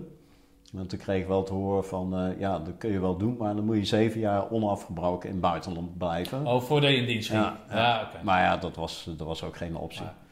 Dus ik kwam uit dienst en ehm, ja, na mijn dienst, ik moest wat langer dienen, want ik had net op dat moment een, uh, een, een, blessure opgelopen. Ik had mijn enkelbanden gescheurd. Dus ik kon nog... Met rugweer? Met rugweer. En toen had ik nog twee maanden, ruim twee, drie maanden, dat ik langer moest blijven. Ja. Dus ik ben denk ik gelijk eh, met jullie afgezwaaid. Oké, en wat, wat moest je in die tijd doen dan? Mocht je gewoon thuis? ja, ja, gewoon herstellen. Hè? Maar, maar op dat moment kunnen je pas uh, uit dienst, uh, dienst ja, mag je verlaten. Maar als je helemaal tijdens jouw revalidatie was je op de kazerne of... Nee, was ik gewoon thuis en af en toe moest ik ah, me melden bij de MGD en dat was het eigenlijk. Ah, ja. Nou, lekker. ja. Nou, intussen was ik aan het kijken van wat, uh, wat kan ik gaan doen. Ik ben aan het solliciteren geweest, maar je merkte wel van dat, uh, dat, dat viel niet mee. Hè? Want die zat toen ook in, in een ja, soort van, van, van uh, arbeidskrapte in de markt. Ja. En ze stonden zeker niet op mij te wachten. Nee, was een hoge werkloosheid toen de tijd. Absoluut. En, en ik heb toen van alles en nog wat geprobeerd. Ik zag op een gegeven moment een advertentie verschijnen van de BVD. Ik denk, oh, dat, dat, lijkt me wel interessant. Maar ja, dan bleken er geloof ik iets van 4000 op ingeschreven te hebben. Maar ja, dat... Uh, Oké. En ik zat ook te denken aan van uh, iets van de wereld zien. Misschien moet ik dan toch maar dat plan oppakken om toch maar naar het buitenland te gaan. Maar ja, aan de andere kant, ja, opleiding is ook wel weer belangrijk. Dat ik nog wel wat verder studeren. En toen sprak ik een oom van mij, de meeste familie van mij destijds woonde ook allemaal in Brazilië. En uh, een oom van mij zei van, goh, wat je anders doet, kom naar Brazilië. En, en, ga gewoon een tijdje aan het werk en wellicht vind je hier je draai wel. Dus dat heb ik toen gedaan. Ik ben naar Brazilië vertrokken. En toen ben ik in een fabriek gaan werken van mijn oom. In het begin gewoon in, in, in, in, in de fabriek. Hè? Gewoon zakken vullen met, met, met uh, chemicaliën, met spul, weet ik veel allemaal en zo. En na een paar weken ben ik begonnen op het laboratorium. En tussentijd ging ik s'avonds elke avond naar school om Portugees te leren. Omdat ja, in Brazilië spreken ze geen Engels. En ja, je moet gewoon Portugees praten. Dus ik ben toen gaan werken en s'avonds studeren Portugees. En ja, dat, dat, dat, uh, dat, was erg leuk. En na de hand de commerciële functie opgepakt. Ik had natuurlijk MDS gedaan. Ik, ik, uh, ik vond het leuk om juist een commerciële functie te gaan vervullen. Maar na een half jaar hebben ze daar toen de regels wat veranderd in Brazilië. En toen bleek dus dat het was wel mogelijk om te blijven werken. Maar dan, ehm, dan moest je of moest je een, een, een, bijzondere opleiding hebben gedaan dat je noodzakelijk was voor dat bedrijf, een technische opleiding. Uh, of je kon daar blijven wonen, maar je mocht niet werken. Ja, dat is ook geen optie. Er was nog een optie en uh, heel even over na zitten denken. Ik had op dat moment wel een vriendinnetje waar, en dat was trouwen. Maar ja, ik denk ook ja, om, om daar uh, aan te gaan binden, dat, dus dat was ook niet toen ben ik weer teruggekomen, ook op, mede omdat mijn vader op dat moment ging niet zo lekker, die met zijn gezondheid. Die had uh, flinke reuma gekregen en die kon eigenlijk geen kant meer op. Maar die was ook eigenlijk net zelfstandig geworden. En, uh, want die hebben ze op 57,5 kon hij in de fut. Maar op zijn 57ste hebben ze hem ja, ontslagen, ja, min of meer wel. Okay. En, uh, niet zo netjes dan? Nee, er was een uh, overname van een andere firma. En uh, ja, die hebben hem op de een of andere manier op een zijspoor gezet. En ja, mijn vader had op dat moment had ook last van reuma. Maar in dat half jaar dat ik weg was, was het echt, echt verder gegaan. En ik kon geen kant meer op en hij was zelfstandig geworden. Ja, en toen heb ik hem wat, wat geholpen. Hè, en tot, totdat hij weer zelf wat, wat kon gaan doen. En toen moest ik zelf aan de bak om natuurlijk een baan te vinden. En ben ik maar begonnen als procesoperator. Dat is? Bij AXO. Dat is uh, begeleiden van chemische processen in de chemische industrie. totaal geen idee wat dat uh, verder inhield. Maar ja, je moest vakopleiding procestechniek gaan volgen.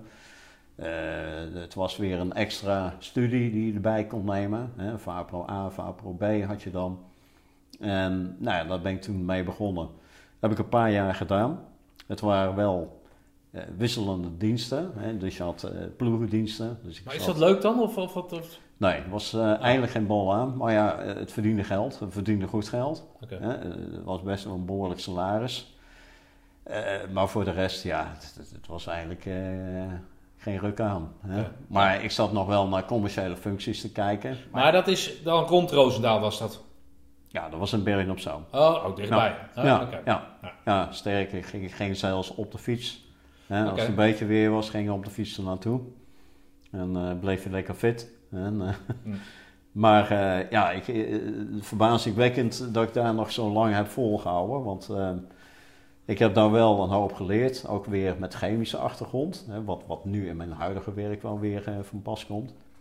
Maar waarom doe jij dan dingen die je niet leuk vindt? Wat, wat, wat- dat geld, dat maakt een hoop goed, zeg je. Nee, het was toen die tijd. eh, je mocht blij zijn als je ergens werk had. Hè? En, en, en thuis gaan zitten duimen draaien, dat, eh dat had ik geen zin in. Nee, oké. Nee, maar zo specifiek in, die, die, in, in iets wat je niet leuk vindt, ja, dat, dat kan. Maar... Ja, nou ja, ik, ik, ik kwam daar, ik, ik wilde graag eh, zo snel mogelijk werk hebben. Oh ja, wat ook meespeelde, ik kwam uit Brazilië. Ik, ik, in, in dienst was ik veel weg geweest. Hè. Je wordt zelfstandig, eh, je bent niet meer gewend om thuis te wonen. En dan kom je thuis wonen. Ja, Ja, dan, dan worden de vragen gesteld. Ja. Ja, dan ben je niet meer, niet meer gewend. Dus ik wilde Ja. zo snel mogelijk om mezelf gaan wonen. En, en dat ik mezelf kon onderhouden. Dus vandaar ook met die baan. Ja. Nou, Oké. En dan? nou, en dan eh, heb je die, eh, die ervaring zeg maar, van de chemische industrie en dit en dat. En, en, en, en er kwam een vacature bij, in Rotterdam in de verf, Sigma Coatings, Marine Paints. eh, eh, grote schepen waarbij je zeg maar eh, het, een advies moest geven aan de superintendent van, van, van die eh, rederij. En dan onderhoud van die schepen. Nou ja, ik had als achtergrond, een chemische achtergrond, min of meer gekregen bij AXO. En dan waren de hoofdbestanddelen van de verf, die maakten wij daar. Hè, dat waren de kunstharsen.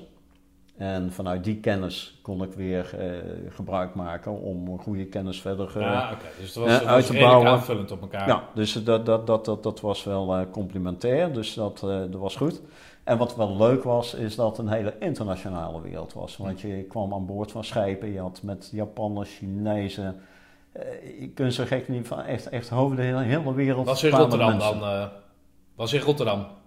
Ja, Rotterdam. Oké. Ja, en af en toe Amsterdam en, en, en, en Vlissingen, eh, heel soms in, in Antwerpen, maar hoofdzakelijk Rotterdam, hè, grootste haven, de grootste... eh, Ja, toen de tijd nog de grootste haven ter wereld, dus daar zat je wel zeg maar in het, in het centrum van de Ja, je had daar eh, heel veel scheepswerf ook. Hè. Je had daar, daar uh, Wilton Feyenoord en nog, nog wel van die grote. Ja. En dan, er kwamen echt, echt joekels van schepen kwamen daar. En eh, ja, dan had je daar eh, een beetje de, de, de leiding over het hele gebeuren daar.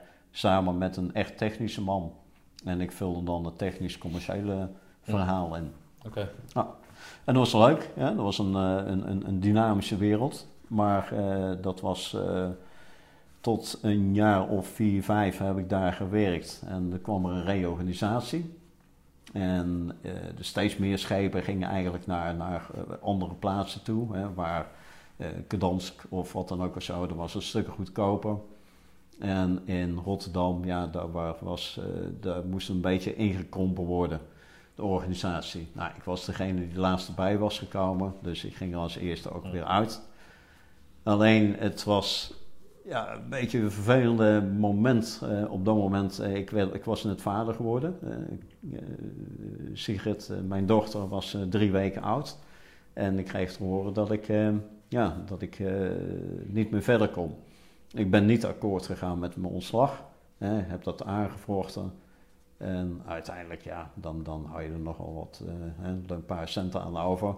In tussentijd eh, de tijd gebruikt om naar een andere baan te kijken. En toen kwam ik dus in Friesland terecht, in Heerenveen.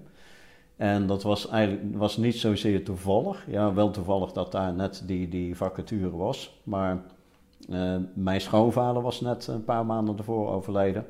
En mijn schoonmoeder was ja, eh, eigenlijk alleen achtergebleven. Mijn, mijn, mijn schoonvader was op dat moment eh, iets van, van, van 56 of zo, Ja. was een vrij, vrij jong. En haar andere dochter die woonde in België. Dus ja, zij vond het fantastisch toen, toen ze hoorde dat ik aangenomen werd en dat ik bij een bedrijf in Heerenveen kon gaan werken. En er was een producent van luchtfilters, luchtfiltratie. En dan, was ik, dan werd ik dus eerst sales manager, daarna export manager. En na een jaar vier, vijf ben ik daar weggegaan als, als commercieel directeur. Um, ben ik overgestapt naar een bedrijf waar we wat relaties mee hadden. En die zat eigenlijk in de wereld van uh, non-paint materialen. Dat zijn eigenlijk uh, alle, alle producten die je nodig hebt bij het, het verwerken van, van, van lakken. Hè, voor, voor in de automobielindustrie of, of in de autoreparatiebranche of wat dan ook. Uh, alles werd daar verkocht, behalve de lak zelf. Maar degene waar wij vaak dit, de, zagen, de mogelijkheid voor zagen, waren eigenlijk al degene uh waar ik eigenlijk al zaken mee deed vanuit de luchtfiltratiebranche. Hm. Want die beleefden ook weer de automobielindustrie. Dus dit was eigenlijk een mooie productgroep die ze erbij konden nemen. Dus ik ben met, met dat uh, in mijn achterzak ben ik de Aziatische markt en de markt in het Midden-Oosten gaan doen. Heel veel gereisd, ook weer in die tijd. Uh, daarvoor ook al. Um, dat heb ik een jaar of vier, vijf gedaan, ook weer totdat SARS kwam. En ja, SARS was een, een, een, net zoiets wat je, wat je nu hebt op dit moment met corona, maar dan over de hele wereld. Alleen SARS was daar eigenlijk meer lokaal, uh, een, een, een, een, pan, of een, een, een epidemie. Um, ja, en toen stond alles stil.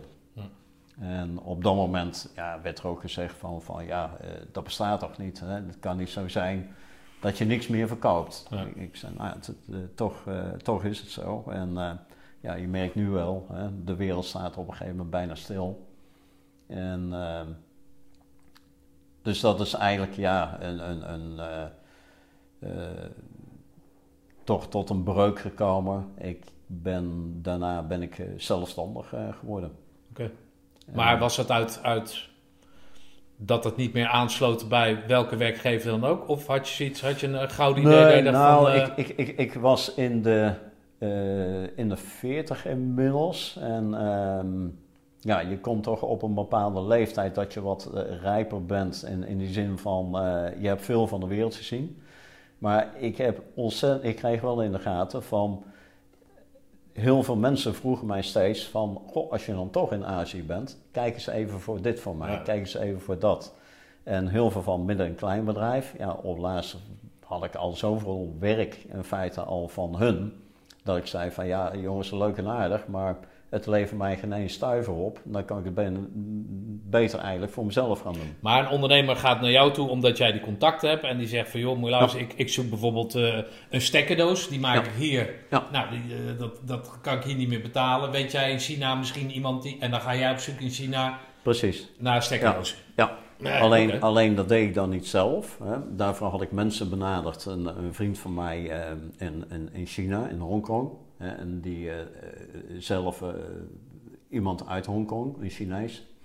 En die zei van, ik wil je er graag bij helpen. Okay. En dat was zijn broer, die hielp mij dan ook. En na de hand ben ik nog een student, heb ik leren kennen in Friesland. En dat was een Chinese. Okay. En zij had daar gestudeerd aan de Hansenschool. En zij is toen ook voor mij gaan werken. Maar allemaal op een kantoor wat ik weer had in Beijing. Ja, okay. En ik had dan werkte dan voornamelijk uh, Hongkong, Beijing. Maar dan was het, um, hun deden het sourcingwerk.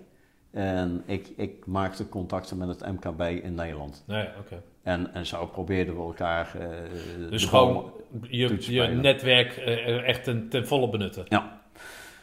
Dat heb ik ook gedaan met uh, India, want India is natuurlijk ook, hè, dat was een, een, een lage lonenland, ja. Thailand. En, en dan had je, uh, overal had je wel bepaalde zaken wat, wat interessant was. Om, maar ben jij zo makkelijk in de omgang dan? Niet dat je nu zo stug overkomt, maar maak jij makkelijk contact en spreek jij je talen en weet je, ja. weet je hoe, hoe dat gaat? Ja, ja ik kan okay. me vrij snel aanpassen. En uh, wat ik van tevoren doe, altijd bij elk, elk land, dat heb ik altijd gedaan heel erg eh, gaan, gaan kijken hoe zijn de mensen daar, wat zijn de gebruiken. Hè? Wat, wat, wat, eh, niet proberen vanuit een westerse manier, uh, proberen jouw jouw dingen te regelen, maar dat je leert begrijpen hoe hun de zaken daar doen.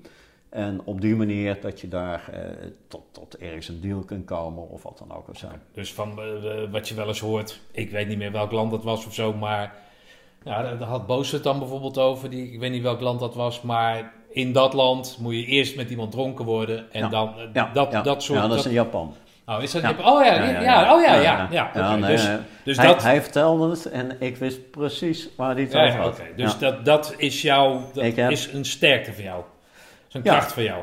Ja, ja, maar ik, ik, ik vond het ook uh, oprecht uh, erg interessant om met al die nationaliteiten om te gaan. Ook met mensen uit het Midden-Oosten bijvoorbeeld. En ik had ook, um, ja, met interesse volgde ik ook hun gebruiken. Hè? Ook, ook hun, hoe hun over dingen maar nadacht. ga je daar dan ook over lezen? Ga je, ga, ga je ja. helemaal, helemaal, ja. Ja. helemaal inbedden in, in, in hun cultuur, in hun gebruiken, weet ik wat?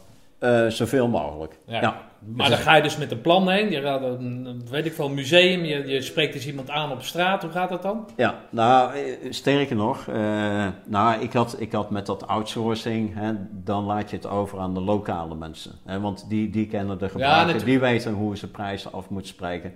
Maar die hebben ook de eindcontrole. En die weten of een bedrijf betrouwbaar is of niet. Doen zij dat op eigen risico dan, die, die agenten die erin nee, zitten? Nee, nee, dat was uh, zeg maar, wij betaalden hun. Ja, ja, oké. Okay. En, uh, ja, en, en, en hun deden dat wel zeg maar op aangeven van ons. Ja, oké, okay, maar het is dus niet zo dat, dat jij zegt van joh, ik zet hier wat weg bij jou, ik wil dat hebben. En als dat niet functioneert, al het risico lag, lag bij jou.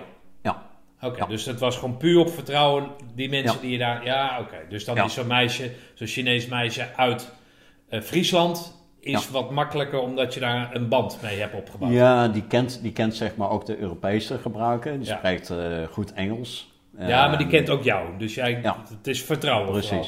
Precies. Ah, okay. en, en dan ga je dan ook regelmatig naartoe. Hè, en je praat met, weer met die mensen en dan heb je weer overleg. Maar het echte source werk... Hè, um, uh, destijds ook, er waren misschien uh, 10, 20 procent van alle bedrijven in China waren geregistreerd, uh, maar 80 procent niet. Hm. En, en, je moest niet bij die 20 procent zijn, maar je moest bij de 80 procent zijn.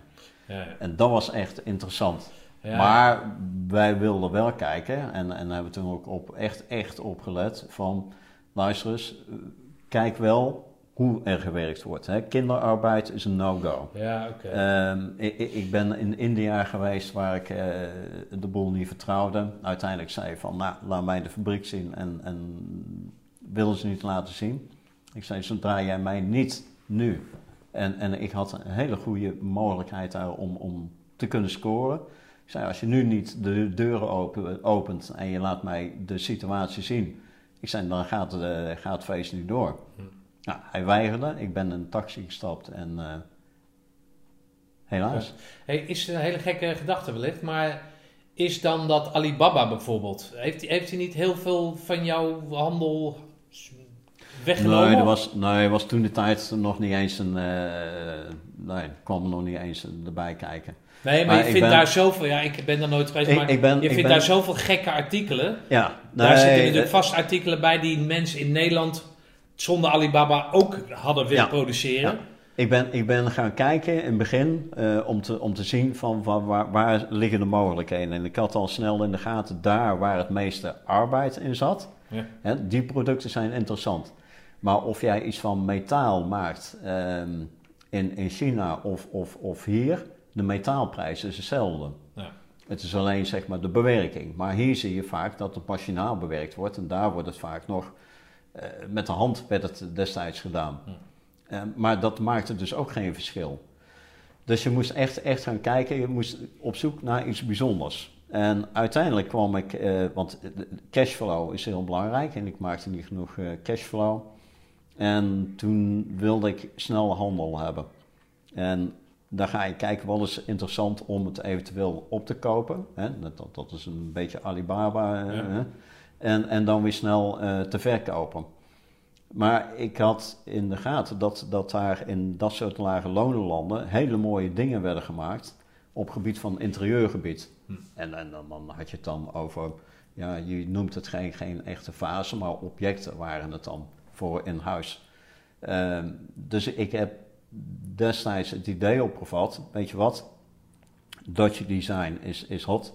Wij laten het eh, hier maken. Hè? De, de, de, de, de, China daar tekeningen, daar de tekeningen, het idee. En we laten het daar Oh, oké. maken. Hier het idee daar, daar produceren. Maar alleen maar met natuurlijke materialen. Dus met steen, met hout. En er moest echt een verhaal aan zitten wat, wat, eh, dat, dat het ook een meerwaarde had. En dat mensen ook konden zien van, dat is iets bijzonders. Nou, dat, dat, heb ik toen gedaan. En eh, een paar pro- producten meegenomen. Ook een paar producten geïmporteerd. Heb ik aan wat mensen laten zien. Eh, ook aan een fotograaf, die was net foto's aan het maken. Toevallig dat er iemand van Leolux binnenloopt en die ziet dat en die zegt van, hé, hey, dat is mooi. Neolux, moet je even uitleggen, is een van de grootste designmerken in Nederland, toch? Of in de wereld? Ja, en, en, en zeker in Europa. Die produceren eh, zeg maar de, de eh, meubels. eh, de, de, Maar is dat een Nederlands merk, Neolux? Ja. Oh, oké. Ja, ja, staat in Venlo. En ja, dat, dat, dat is echt een eh ja, toonaangevend Duitsland, eh, Benelux, eh, maar, maar ook in, in de rest van Europa. Ehm, ja, die staan in Keulen op hele grote beurzen, die, die, die Ja, ik vind meubelbeurzen. je naam al wel zo. Ja, nou ja, goed. Ja. Maakt niet uit. Ja. Maar wij wilden het wel op, op een hoog niveau gaan tillen. Dus Leolux hadden wij zoiets van, nou ja, het is wel een beetje de top, hè, of een, subtop zeg maar, top. Maar we wilden echt in de top gaan zitten. Dus eh, we zijn heel hard aan gaan werken en we hebben Leolux toen beleverd. Er kwamen ook heel veel aanvragen aan, maar in de tussentijd ook heel veel gewerkt met meubelzaken van, van die echt de top hadden. En eh, ja, daar hebben we eh, heel veel destijds aan geleverd. In het begin was het eh, even een, een klein containertje, 20 voeter, met, met van die producten die uit China kwamen. Maar er was zoveel vraag naar dat gelijk al op voorhand al, al een, een, nog een 20 voeter, maar dan een, of een 40 voeter high besteld had. Daarna nog een container, nog een container. Ik zat eerst in een aardappelschuur als, als zeg maar loods die ik had. Ja, dat, dat binnen de kortste keer goed. En dan konden zij daar allemaal bijbenen qua, qua levering. Eh, nauwelijks. Oh. En, en ja, ook, ook hun eh, zaten op, op volle kracht waar ze aan het werk. Want het was allemaal, eh, niks was machinaal, het was allemaal handelarbeid. Oké. Maar die producten... Maar door die lage lonen was, het, was, het, was de marge goed. Ja, ja, dus nog, nog acceptabel. En we konden het tegen een eh, eh, eh, redelijke prijs zeg maar, in de markt zetten. Oké. En en de, uiteindelijk de eindgebruikers die konden het tegen een Ja, maar jij doet zetten. nu wat anders, dus wat is daar misgegaan? Nee, Of en toen kwam, wat- nou ja, er, nou ja, zeker wel een misgegaan. Hè. We hadden de crisis weer eh, in 2008, Zeven, acht? twee- ja, ja, rond die tijd. En toen zagen we al, het ging nog steeds goed. En je- dan merk je ook wel van, van de hele luxe producten, ja, dat blijft toch wel verkopen. Want mensen met veel geld, die blijven veel geld houden. Maar in 2010, 11, ja, toen werd het, eh, toen werd het las- lastig. Wat ligt er, even een andere vraag, maar wat legt zo'n Leolux? Hè, want dan heb je een uniek eh, ontwerp hier. Dat laat je dan relatief goedkoop, laat je dat daar produceren. Dan breng je dat hier, dat koopt Leolux dan van jou op. Wat, maar met, met hoeveel marge zet Leolux dat dan in de markt? Nou, er waren dan de dealers weer van Leolux. Ja. En, en die hadden meestal toch wel een, een marge van, nou, daar ging nog wel een keer eh, zeker, eh, nou, een, een, een eh, nou, ik denk dat ze twee, twee punt zoveel aan, Oh, aan ja, ja. marge, ja. Ja, dus die, die verdienen daar leuk aan. Maar het waren geen massaproducten voor hen. Ja, wij leverden massa, Ja. omdat wij in 32 landen op een gegeven moment aan het leveren waren. Ja. Oké. En ja, dan, dan maakt, maakt het natuurlijk veel. Maar voor, voor hun was het leuk om ergens erbij te zetten. Oké. Was dat, was dat wel werk wat je, wat je leuk vond? Het was zeker, eh, zeker leuk. Hè? En je, eh, het was eigenlijk eh, wat, wat, wat ongedwongener. Ehm, ja, je liep overal in je spijkerbroekje naartoe. Hè? En voor de tijd was het altijd toch wel in je pak en je, je stropdas Ja. eventueel. En vanaf die, die tijd heb ik mijn stropdas ook afgezworen. En, ja, en dat was, dat was ja, een leuke, leuke business. Ja, absoluut. En, Maar en- zet je lekker in je vel, want je, je, Ja. je, je vertelt dus ook dat je in staat bent om werk te doen wat je niet leuk vindt. Ja. Toch? Ja.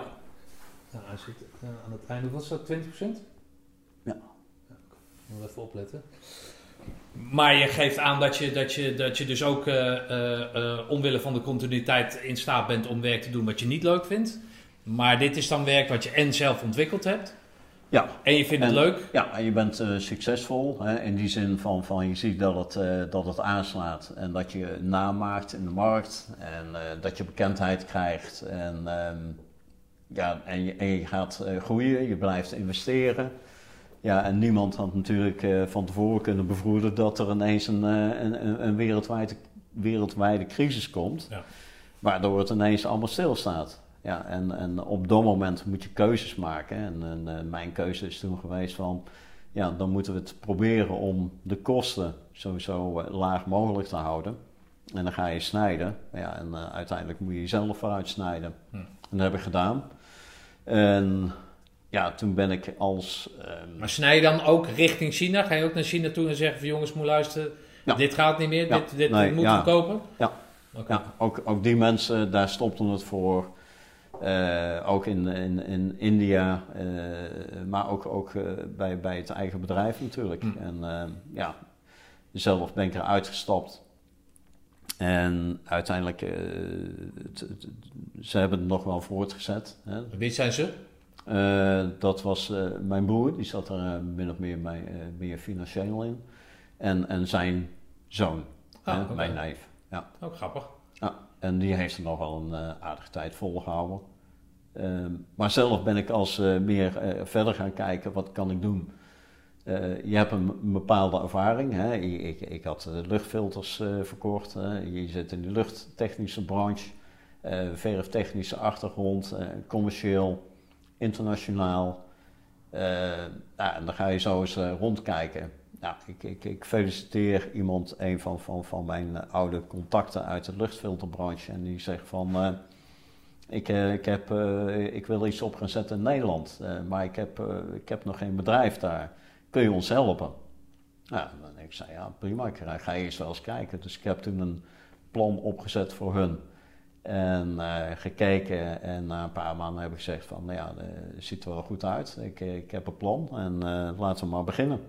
Dus ik ben voor hun wat, wat eh, ja, gewoon, gewoon gaan werken. En eh, de, de hele business opgezet hier met, eh, met luchtfilters. Partner gezocht. En er is een joint venture uitgekomen. En uiteindelijk ja, is dat steeds groter gaan worden. Dat een van de grotere spelers op dit moment in Nederland. En voor dezelfde partij ben ik nu weer eh, bezig om eh, wat in eh, Duitsland te gaan doen. Maar zij hebben apparatuur of zij hebben, zij hebben, zij hebben iets. En spreken jou aan op je netwerk. Ja. En spreken jou aan op je, je, je, kennis. je- op je kennis. Ja. En dan ga jij als. Ben jij daar in die wereld. Ben, je- ben, ben jij daar iemand? Ja, je bent wel iemand. Nee, maar ik bedoel, Ja. ben jij. Hé, hey, Jezus, Paul. Ja, Paul nou ja. is er, jongens. Ja, Nee, ja, maar ben je zo'n ben je zo'n, eh, ben je zo iemand? Ja, nou ja, in de luchtfilterbranche, eh, kijk, er zijn, er zijn eh, en, en, en hoe langer dat je erin werkt, dan merk je ook wel dat het wereldje eigenlijk best wel eh, klein is. Hè? Al, al is het internationaal, maar je kent elkaar eigenlijk allemaal wel. En er komen steeds meer bij, hè? ook steeds meer jongeren. Maar goed, die groep met, met de ouderen, ja, je kent elkaar eigenlijk niet allemaal. Hoe oud ben je nou? 59. Nou, je hebt de 60 nog niet eens Volgende bereikt. week 60, eh, Stefan. Nou, Oké, dus die wereld is klein. Ja, Ja. je hebt je netwerk, je hebt een goed product, want anders zou je er niet instappen, ik- neem ik aan. Ja. En dan ga je dat, ga je dat hier wegzetten. Nou, en Ja. dan, dan komt zeg maar, want hè, dat hebben we het dan vanochtend even in de, in de auto, van, ja, het was al vanochtend. Ja?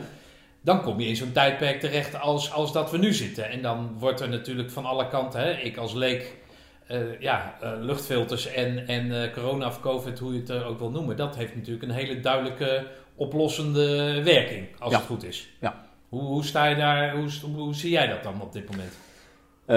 Nou, op dit moment... Jouw kop moet natuurlijk helemaal uit elkaar barsten. Elke keer als de televisie aangaat, gaat het erover en jij hebt de oplossing. Ja, ja, ja absoluut. Hè? Want, want ja, luchtfiltratie en zeker in het begin... Hè, dan, dan praat je eigenlijk nu over, over, over zeker een jaar terug. Uh, je weet dat het, het, het, het grootste probleem zijn de aerosolen. Wat zijn aerosolen? Aerosolen zijn eigenlijk de dat zijn hele kleine druppeltjes, moet je eigenlijk voorstellen. En, en dat, de, die druppeltjes die bevatten een virus. Hè? En, en die, als jij praat, hè, dan, dan praat jij eigenlijk eh, altijd met ja, sommigen meer en sommigen minder, maar je praat met consumptie. Dus iedereen, ook al is het niet zichtbaar, iedereen spreekt met consumptie? Absoluut. En, en, en dat gaat in de lucht en dat hangt overal in de lucht en dan blijft een, een hele lange tijd blijft dat zweven. Wij, wij, wij zitten hier nu in de ruimte, we hebben een tijdje gesproken. Maar die, die, die aerosolen die hangen in de lucht. Onzichtbaar, ondanks dat je niet, eh, eh, dat ik de spetters niet voorbij, wij, wij produceren aerosolen. Het, is is het zoals, ik heb gisteren erg schoongemaakt en dan was er zo'n zo'n mat, die klop ik zo uit of die, en dan komt het zonlicht ja, maar dat is, dat is stof. Hè? Ja, dat is stof. Maar, is het daarmee te vergelijken? Ja, dat is, daar is het mee te vergelijken. En als je dat in, in, in gedachten neemt... Uh, je ziet het ook wel eens in een vliegtuig, hè? Als, als op een gegeven moment de zon door het raampje komt, of, of, of in je woonkamer, dan zie je in één keer allemaal stofdeeltjes. Nou, die stofdeeltjes die je ziet, die zijn misschien wel 100 mu. Maar als wij praten over een virus. Wat is mu? Mu, mu is uh, micron, micrometer. Heel, heel oh, zo klein is het. Ja, ja, oké. En uh, dat, je, je kunt uh, zichtbaar uh, is een deeltje van 20 micromu, zeg maar, micrometer of groter. Hè, als er licht op schijnt. Zichtbaar, oké. ja. Als het, daaronder is het niet meer zichtbaar. Okay. maar wij praten. aerosolen die zijn ja, niet zichtbaar. Nee, want wij praten over deeltjes die zijn 0,05 micron. Ah, oké. Ja? Micro, micro of Meter. mu, micrometer en wat je net zei, dat is allemaal dat is dezelfde terminologie. Of voor. Ja. Oké. Ja. Dus je praat over deeltjes die je niet kunt zien. Sterker nog, virusdeeltjes kun je niet meten. Er is op dit moment is er nog geen techniek mogelijk om die deeltjes te kunnen meten in de lucht. Dus jij zegt in deze ruimte is nu niet zichtbaar, hè, omdat er geen zon in schijnt, dat is dat stof. Ja. Dan heb je daarnaast heb je dan die aerosolen, omdat die nog kleiner zijn, zijn helemaal niet zichtbaar. Ja. Maar die virus, die is, is sowieso niet zichtbaar. Die is sowieso niet zichtbaar. Nee, En, en dat komt, hè, eh, de, we hebben technieken en, en dan kun je dus licht laten schijnen door de lucht heen, laserstralen. En die kunnen dus uh, deeltjes herkennen op het moment dat die deeltjes het licht weerkaatst, reflecteert. Maar heb je het dan over die aerosolen? Of? Nee, dan hebben we gewoon over het algemeen oh, alle deeltjes. Ja, oké. ja. Maar de virusdeeltjes zijn zo klein, die reflecteren niet meer. En daardoor kun je ze niet zien. Ja, maar ze zijn nu wel bezig om in dingen ontwikkelen. Maar dat kan misschien nog wel een half jaar of een jaar of, of nog duren. Ja, oké. Nee, dan snap ik nu dat elke oplossing die er is, of ja. wordt aangeraden. En ik heb, ik heb jou al verteld, hè, wij hebben een regel hè, en wij roepen altijd... Meten. dames en heren, gaat u even zitten, pak het klapblok erbij, want daar komt hij. Ja. Meten is weten en dan eh, heb je een uitkomst, maar dan moet je met die uitkomst moet je ook wat gaan doen. Dus wij zeggen, uh, meten is weten, is verbeteren. En op het moment nu, uh, men zegt, ja, maar we meten het niet, dus we kunnen het niet verbeteren. Maar je moet gaan geloven in andere technologieën. En die technologieën, die zijn absoluut in staat om toch bepaalde dingen voor elkaar te krijgen. Uh, zonder dat we het nu nog echt op een, op een meting kunnen doen die we ze gewend zijn te doen. Ja, maar dat maakt het natuurlijk. Maar dat is, dat is allemaal erg, erg technisch. Ja. Hè? En, nou, dat is niet zozeer technisch als wel voor een leek is dat niet te begrijpen. Nee. Of nee. ik begrijp en, het niet. En, en, daarom is het ook hè, van. van uh, in het begin uh, worden de dingen worden er niet verteld of, of misschien wel verzwegen? Ja, dat, dat, dat is even, eh, dat weten we niet. Maar degene dus die in de luchttechniek zich bezighouden, wij wisten al van begin af aan, ja luister eens jongens, uh, er zijn heus wel uh, dingen die we kunnen verbeteren, maar dan moeten we wel dingen gaan aanpassen. Ja, ja en, en dan merk je gewoon hoe log en traag dat overheid is en, en allerlei instanties, omdat die zich niet willen conformeren aan, aan de. Hè, we sturen blind op virologen, terwijl je eigenlijk je moet een combinatie nemen van virologen, van techneuten, van, van mensen uit de luchtfiltratie en dergelijke. En, en, en daarmee kun je tot een goede oplossing komen. 100% zal het niet worden, maar wel verbeteren. Maar beter dan dat het nu is. Ja. Okay.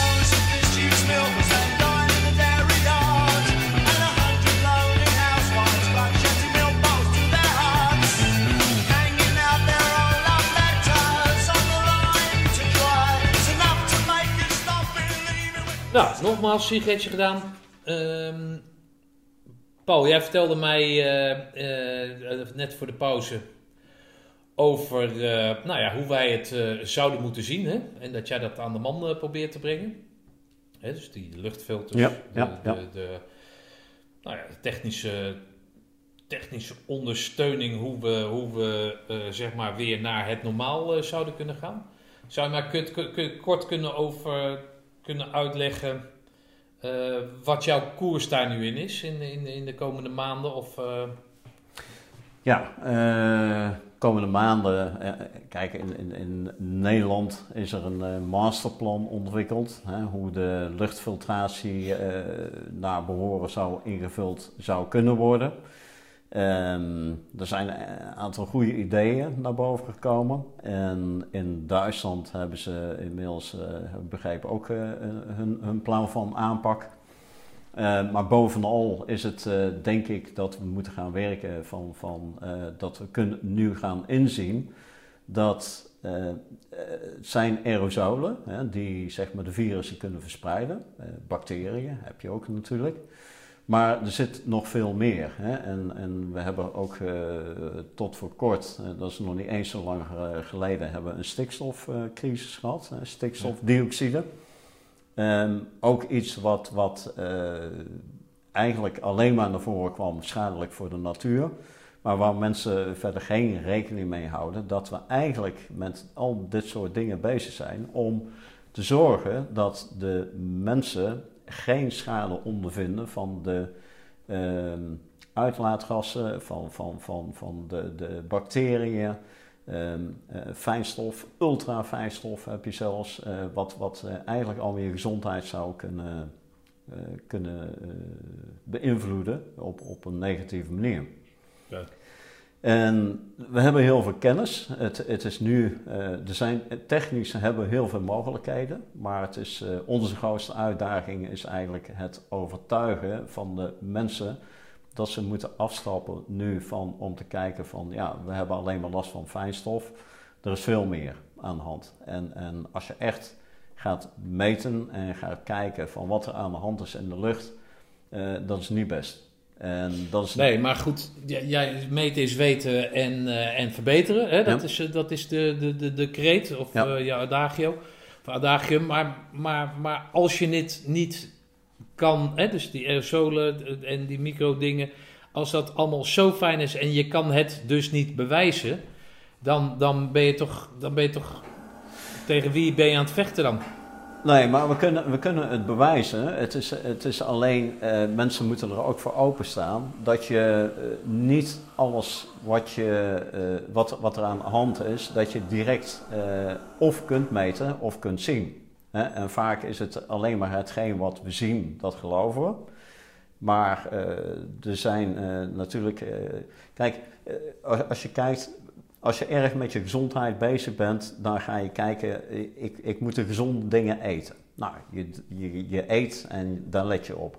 Je moet uh, de gezonde dingen uh, moet je drinken. Hè? Dus je, je kijkt ook van wat drink ik wel, wat drink ik niet.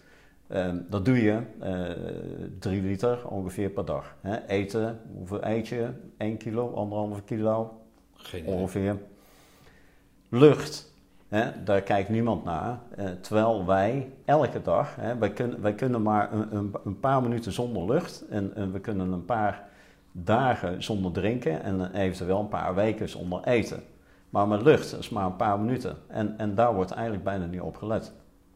Ja. Terwijl het echt, echt verdomde belangrijk is om die luchtkwaliteit, om dat nu in de toekomst veel beter in de gaten te houden. Ja, oké, maar ik heb het liever over, of liever, ik, dat, wat natuurlijk nu nijpend is, hè, dat ja. andere dat zal. Ja. Hè, en daar heb jij natuurlijk veel meer kennis over dan, nou ja, goed, elke keer als er wel nieuws gebeurt, maar nu is er iets heftigs gebeurd. Ja. Daar heb je de oplossing voor, toch? Hoe, is dat gewoon puur marketing dan? Of ja. kan je het niet gewoon wegzetten met die hele industrie van jongens, nou, moet luisteren. Nee, nee, dit nee. Is, want, dat doen wij op onze kosten. En als het lukt, dan, uh, dan kunnen jullie het allemaal kopen. Um, nee, want het is, kijk, het is veel meer dan dat. Hè. Uh, met, er zijn verschillende bedrijven die hebben hun belangen. En die hebben een belangen om, om iets te, natuurlijk te vertellen van, van luister eens, niks aan de hand. Je bent veilig hè, met transport, treinen, vliegtuigen, schepen, noem maar op. Um, maar er is natuurlijk uh, een hele hoop aan de hand en, en je kunt niet op de conventionele manier blijven doorgaan. En je zult gewoon anders moeten gaan denken. Hè? En, en je zult um, de bronnen, uh, zou het mooiste zijn als ze dat allemaal gaan veranderen. Maar dat, dat gaat heel lang duren. Hè? Je gaat niet zomaar allemaal elektrisch rijden en dat er geen, geen schadelijke stoffen komen. We kunnen helaas niet zeggen tegen iedereen van en, en nu nemen een vaccinatie en niemand heeft meer een griep of een, uh, of, of, een virus bij zich. Hè. Dat, dat zal altijd blijven bestaan. Maar we moeten wel heel goed gaan kijken van welke technieken zijn nu wel beschikbaar. Technieken zijn er. En de, wij zijn nu heel hard bezig om alle instanties, om die ook te overtuigen dat die technieken voorhanden zijn. Hm. Maar dat is iets, uh, dan moet uh, gewoon heel snel moet dat getest worden, dat moet bekeken worden en dan wordt het, uh, moet het geïmplementeerd worden. Hm. En, en geaccepteerd worden. En, okay. Dus dan zit jij, waar jij het over had, dan zit je te wachten op een certificering.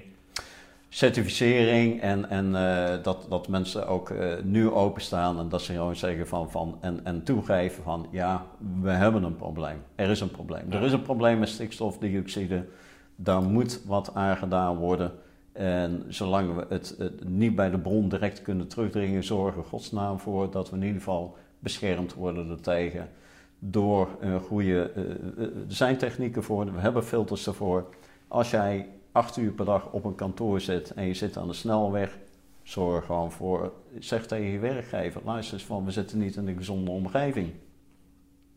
En, en dat is iets waar we met z'n allen aan moeten gaan werken en, en naar moeten gaan ja, kijken. Ja, maar mijn dochter werkt bijvoorbeeld op een, op een bedrijf waar, ondanks dat dat uh, een, een dwingend advies is hè, om thuis te werken, ja, als je ziek bent mag je thuis en dan, moet je ook wegblijven. Ja. Maar thuiswerken, terwijl dat dus makkelijk kan, hè, het is gewoon een ja. aanschaf van een, van een laptop, ja. ja, dan doen ze het gewoon keihard niet. Ja. Ja, gek. Ja, maar ik denk toch dat na deze uh, crisis dat er heel veel dingen gaan veranderen. Hè? En dat, dat we heel veel uh, toch een, een, een, soort inhaalslag gaan maken. En, en dat we zien dat uh, continu, zeg maar, ik, ik, ook, ik moet erkennen, ik heb een, een, een hele grote CO2-footprint achter me staan. Ik heb, ik heb duizenden, honderdduizenden kilometers gereden met mijn auto, zelfs een diesel. Ik heb uh, de hele wereld over gereisd met, met, mijn, uh, met de vliegtuigen. ja, ik denk in de toekomst dat we toch meer moeten gaan kijken van welke technologie hebben we om, om toch met elkaar in, in verbinding te kunnen blijven. Oké. En Maar wat het moeilijk maakt is dat, denk ik, maar ik, dat hoop ik, nou ik hoop niet dat je het bevestigt, maar ik denk dat je het gaat bevestigen. Zodra er weer gevlogen mag worden, hè, gaat iedereen weer op vakantie toch? Het zit toch niemand wat? Nee, omdat, omdat uh, kijk, er wordt vanuit uh, de luchtvaart wordt er natuurlijk ook wordt er, uh, op aangedrongen hè, van reis maar, het is veilig en, en geen problemen. We zetten met z'n allen een mondkapje op en er zijn filters hè, en we, we, hebben een goede luchtfiltratie. Um, ja, maar er zijn nu betere oplossingen. Hè? En, en ik hoop dat heel snel dat, dat, dat iedereen daar ook voor open staat en dat we echt daar naartoe stappen dat we die verbeteringen door kunnen voeren. Hm, en, en de oplossingen zijn er, technisch. Uh, het is nu alleen nog maar uh, verder doorvoeren en uh, toepassen. Okay. Hey Paulus, um, we hebben het nog niet over de liefde gehad. Nee. Je schijnt een vrouw te hebben, die is er niet, maar hij schijnt een vrouw te hebben. Hij heeft ook de kinderen. Jullie zijn al heel lang bij elkaar, hè?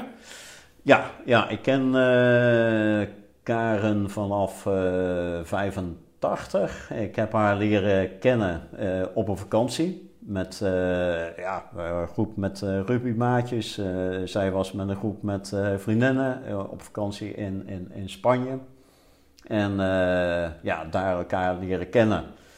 Uh, daarna ging zij weer terug naar Friesland, maar uh, ze ging als au pair werken in Brussel. En dat was niet zo ver van Roosendaal in feite. En uh, ja, toen, toen is zeg maar dat eigenlijk die relatie blijven bestaan. En ja, van Lieverlee, zij is daarna bij mij ingetrokken en zij gaan samenwonen.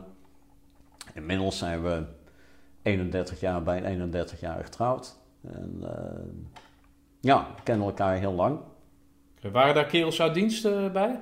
Van, ja. Bij uh, bruiloft? Ja, uiteraard. Hè? Want uh, heb je het over de rugby, dan heb je het ook weer over een ah, paar gasten vanuit, ja, vanuit dienst. dus dan waren er ook weer... Nee, maar ook uit jouw peloton? Nee, uit mijn peloton niet. dat is ook gek, eigenlijk, of niet? Of is dat niet gek? Of nou, nee, kenmerkt dat kijk, jullie peloton?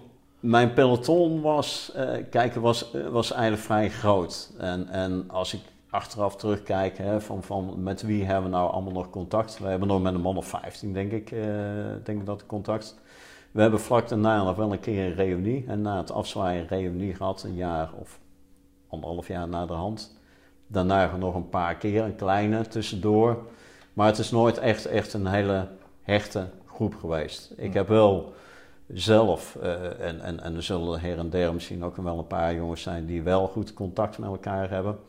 Ik heb nog wel uh, regelmatig zo uh, natuurlijk uh, met mijn maatje heb ik contact, vooral. Um, ook, ook met Henk Smit, die zat regelmatig contact. Jos Megens, die heb ik onlangs nog een keer gezien. Um, ja, en zo zijn er een aantal en dan via een Facebookgroep. en dan, dan, hebben we zo af en toe nog eens een keer even een berichtje. Of, of, of maar naar de reunie ga je elk, elke vijf jaar? Ik ga ieder vijf jaar. En ja, voor mij is dat een, een, een uh, dubbel op, want dat is voor mij een reunie KCT. Eh, dat is een, een reunie met rugbymaatjes. En meestal zie ik, uh, begint s ochtends, ik zie mijn pelotonsmaatjes. En al heel snel zijn we een gezellig biertje aan het drinken met elkaar. Maar meestal rond een uur of vijf. dan gaat iedereen weer naar huis. En wat je dan ziet is vaak dat de mensen uit Roosendaal die blijven hangen. En dan ook uh, de beroeps, uh, destijds althans, en er worden nu ook steeds meer, want die minder, die, die uh, zijn al gepensioneerd. Maar dan blijf je meestal hangen en dan, dan, ja, dan wordt het vaak heel, heel laat. En, en met heel wat drank achter de kiezer. Ja. ja. Hey, hoe heet dat? je bent kleiner gewoon omdat de kinderen uit, uit huis zijn gegaan. Je hebt een dochter, je hebt een zoon. Dochter en zoon. Mijn, mijn dochter studeert aan uh, Universiteit Tilburg, maar woont in Rotterdam. Al een beetje voor, voorbereid, uh, zeg maar. Zij zal toch straks ergens in de Randstad gaan werken. Wat studeert zij? doet organisatie Nou, sorry Sigrid, ik, eh, ik kan er nou weer niet Ja, maken. hij had het al, heeft het al uren over je gehad hoor. Sigrid. Maar het is hem nu even ontschoten. Ja, dat kan. Ja, toch? Hij ondersteunt je met alles, maar hij weet even niet eh, wat zijn dochter studeert. Maakt toch verder niet uit? Ik ben al blij dat, dat je de naam weet. Ja, ja. Nee, goed. Nee. Maar hij studeert Ja, iets met de organisatie. Ja, ja. En je zoon? En mijn zoon is bezig nog met een eh, soort van eh SIOS-opleiding. Ja. Ehm, Hoe oud is die? daarna, hij is 21. En je hebt hem ook een naam gaat- gegeven, niet? Robert. Oh, Robert. Robert. Ja, ja, ja hebben we nog een naam gegeven.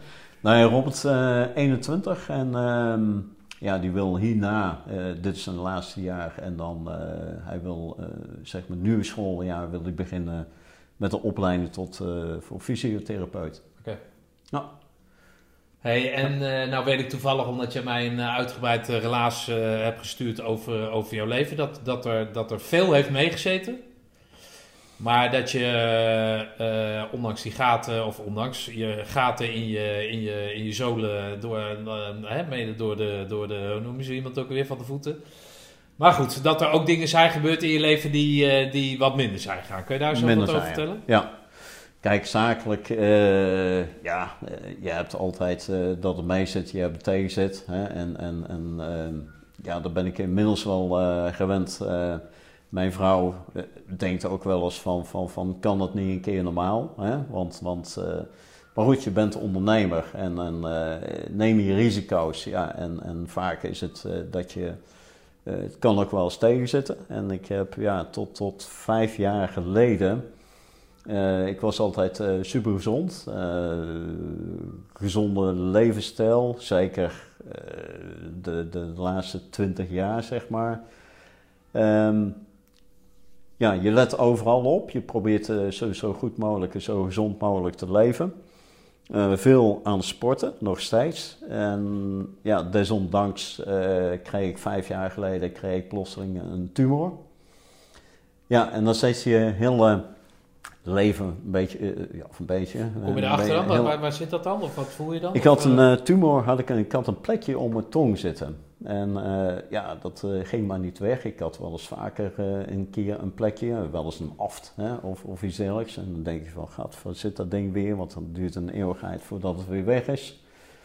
Ehm, maar nooit veel, veel acht opgeslagen, wel, wel eens mee bezig of, of wel eens mee naar een arts geweest. En zei ja, dan maar even opletten. En Meer groente eten.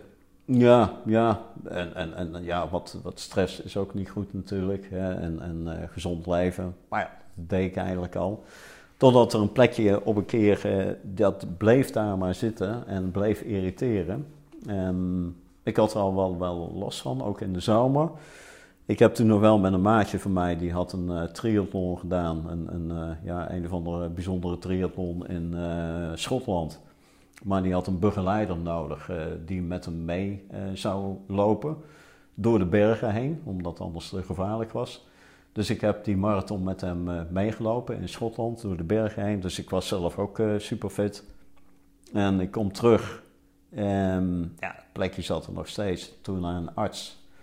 Ja, en die, eh, die zegt van, eh, het ziet er niet goed uit. Ik, eh, ja, beter om toch maar eens even naar eh, het ziekenhuis te gaan. En dat bleek dus...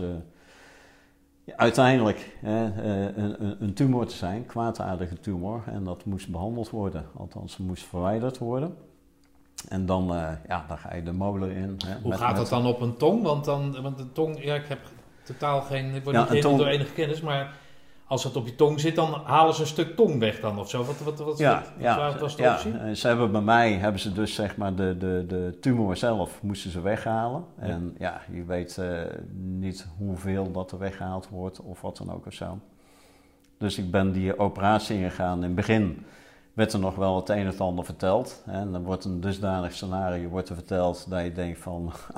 als dat gaat gebeuren, nou, dat is eh einde van mijn carrière. Hè. Want ik moet het toch hebben van, van, van lullen hè, in mijn Weten, werk. zweten en lullen. Ja. Ja, en, en ja, heb je geen tong, ja, dat wordt dan eh, heel lastig. En als ze dan zeggen van, van ja, eh, best kans dat je naar de hand dat er zoveel dat er weggehaald is aan, aan weefsel, eh, dat, dat je altijd blijft praten met een soort van dat je dronken bent. Ja. Hè? ja, dan word je niet meer serieus genomen. En je kunt misschien niet meer zo goed articuleren. En ja, een, een, een, een behoorlijke donkere wolk werd er uh, geschetst. Ja, en dan ga je die operatie in. Maar ja, je moet ondergaan. Hè? Want je moet toch, het, het moet er gewoon uit. Hè? En zo snel mogelijk. Dus ze hebben mij behandeld. Ze hebben mij uh, die tumor weggehaald. En op dat moment uh, ja, weet je nog niet hoe je daar. Zit het dan voor op je tong, achter op je tong? Waar zat het dan? Het, het zat zo'n beetje ja, halverwege mijn tong, eigenlijk ja, okay. zo een beetje aan de zijkant. Uh, hm. um, ja, dat, dat, dat hebben ze weggehaald. Maar ja, er is een, een behoorlijk gedeelte van mijn tong weggehaald. Maar ze hebben een, ja, tegenwoordig heel knap. Ze hebben, hier zie je nog een litteken. Ik laat nu een onderarm zien. Ja. En dan hebben ze dus een gedeelte van mijn onderarm weefsel daar vandaan gehaald. En dan hebben ze overgezet op mijn tong. Jo, jo. Dus mijn, uh, een gedeelte van mijn tong is gewoon mijn onderarm.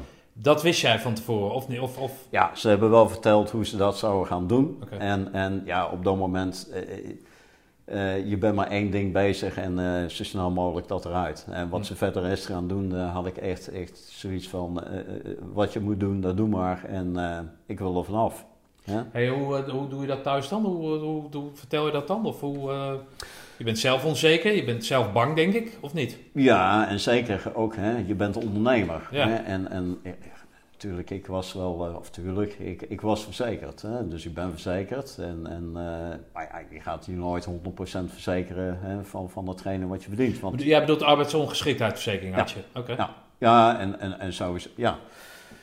Dus je weet niet wat er allemaal boven je hangt. Hè? Je weet niet hoe je eruit gaat komen en hoe snel je eruit gaat komen. Maar ik had op dat moment wel zoiets van, ja, het zal allemaal wel. Hè? En ze doen het allemaal maar. En uh, ik ga dit gewoon, uh, ga er goed uitkomen. Ze had wel in het begin gezegd van, uh, luister, van, je zal er niet aan dood gaan. Hè? Maar het gaat wel, het gaat heel wat ongemakken met zich meebrengen en het wordt een heel gedoe. Dus ja, dan denk je van, nou ja, laat het maar gebeuren. We zien wel. En uh, ik ben heel veel blijven sporten. Ja, of het hielp, dat weet ik niet. Maar ik had zoiets, ik moet in een goede conditie blijven. Ik moet in een goede conditie die operatie ingaan. En zodra ik klaar ben met die operatie, ga ik weer aan de slag. Ik ga gewoon lekker doorsporten. En misschien dat het lichaam dan sneller herstelt.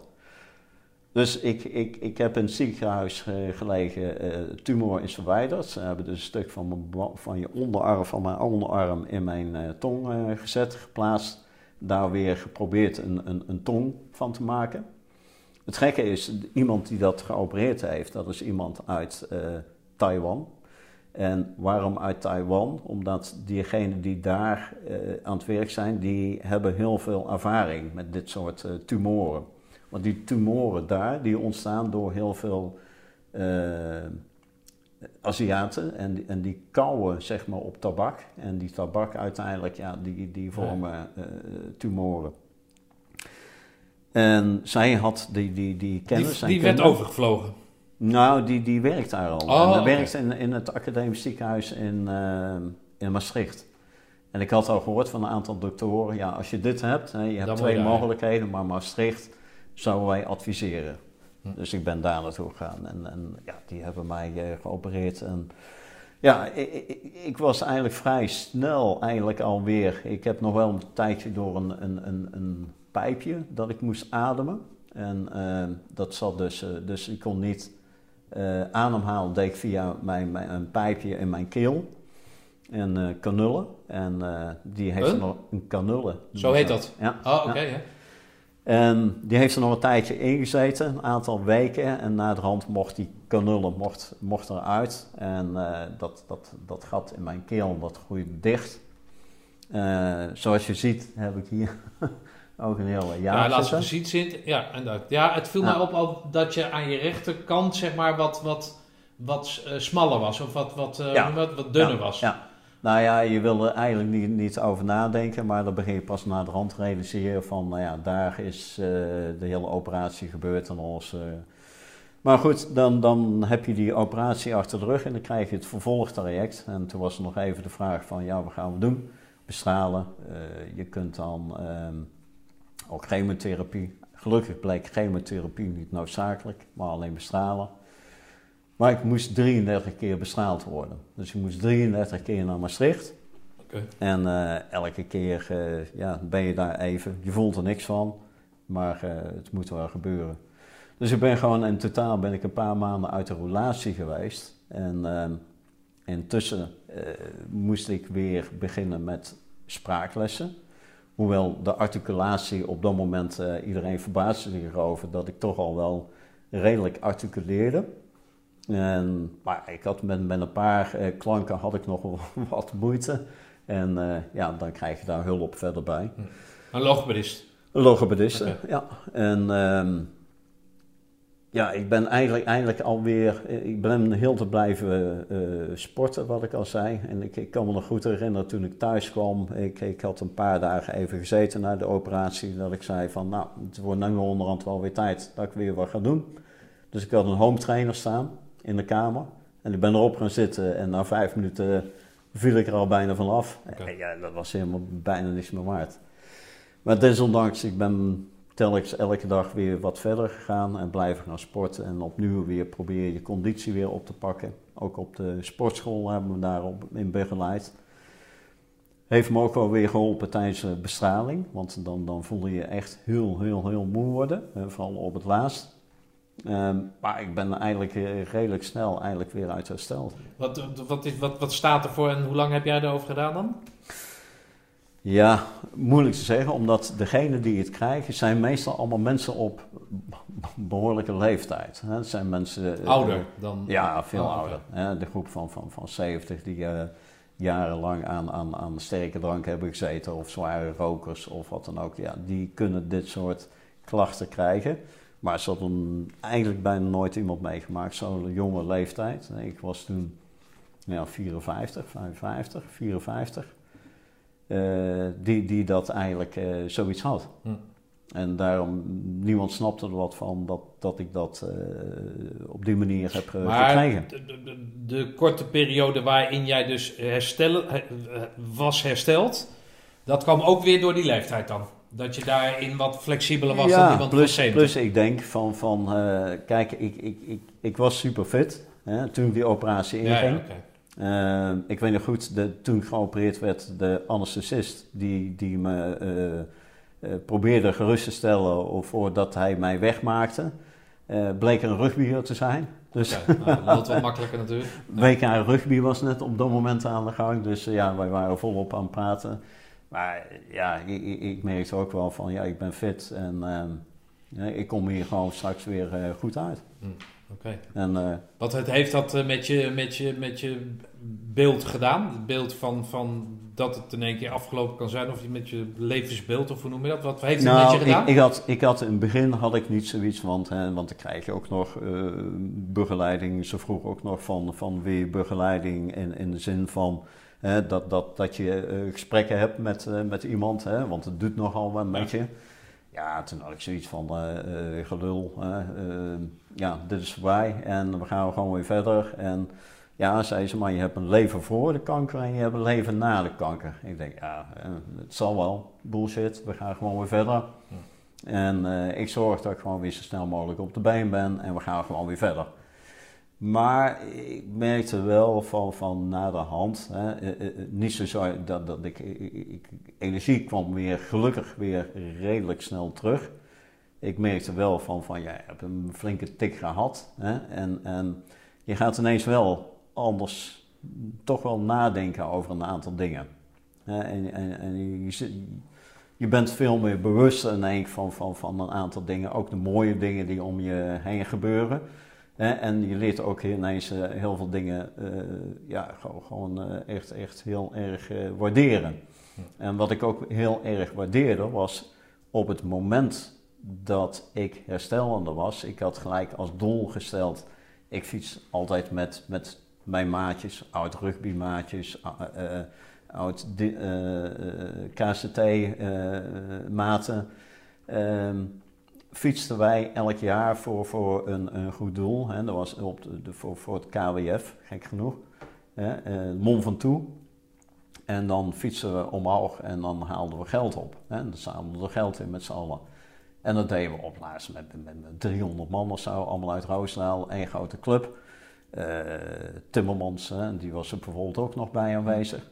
Uh, en, en, nog een hoop van, van, van het KST, maar die ook speciaal, uh, ze hadden een, een, groep opgericht om mij te steunen in het herstel van, van kanker. En toen hadden we ook gezegd, weet je wat, met z'n allen gaan we in september gaan we de Mont Ventoux op en dat doen we op de naam, de noemer Borst Vooruit. En onder die groep, ja, ja uh, Paul Borst, ja een hele hoop uh, hè, uh, maatjes die hebben me echt, echt gesteund. En, en ja, die hebben me gewoon min of meer ook wel weer uh, erbovenop geholpen. om nu bij de pakken neer te zitten en echt te werken weer naar een nieuw leven. En, en, en ja, dat hebben we gedaan.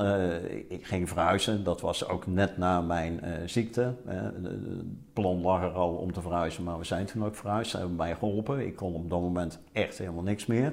Zo slap als een vaatdoek. Nee. Maar die hebben me geholpen met uh, de verhuizing. Ja, en dan zie je... De verhuizing naar hier? De verhuizing uiteindelijk naar hier. We zijn nog met een paar... Uh, even, even moesten... Dit huis was... Uh, de wet gebouwd. En we ah. moesten nog even ergens anders naartoe. Ja. Maar die hebben me dus... ja, een paar keer helpen ze zelfs helpen verhuizen. Hm, en, dat is mooi. En het, het leuke was dus met, met de groep Borst vooruit. Hè, er waren met een man of veertig denk ik wel dat we waren. En zijn we dus met z'n allen de, de Mont Ventoux opgereden. En allemaal uh, het geld als groep hebben we dus uh, gedoneerd aan het uh, eh, KWF. Maar ook een, een, die zeg maar speciaal overkwam vanuit Amerika, hè, was Overhaar, hm. hè, onze sportinstructeur. Ja. En die vond dat fantastisch en, en die wilde er graag bij zijn. En die kwam samen met zijn vrouw, kwam die ook speciaal over en die is ook mee de berg opgereden.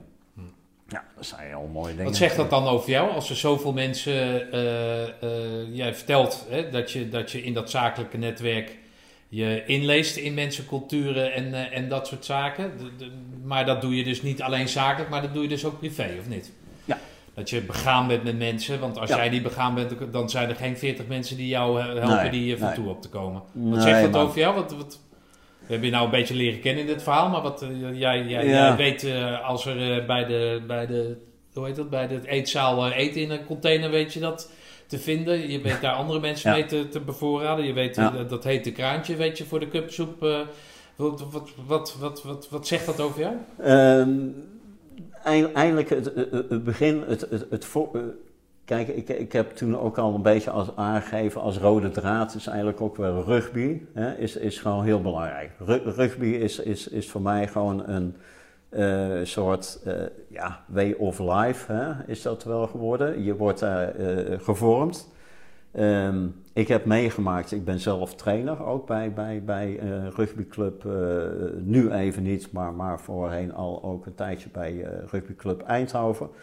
En ik vond het geweldig om, om de waardes van rugby, waar, waar je voor staat, en, en uh, dat je die waardes over gaat brengen op degene dus die in je team zitten. En dat zal bij elke sport zal het wel zijn, maar rugby is heel erg van, uh, je leert incasseren, maar je staat ook voor elkaar. En je, je doet met z'n allen, doe je, uh, ga je, ga je voor, voor elkaar door het vuur.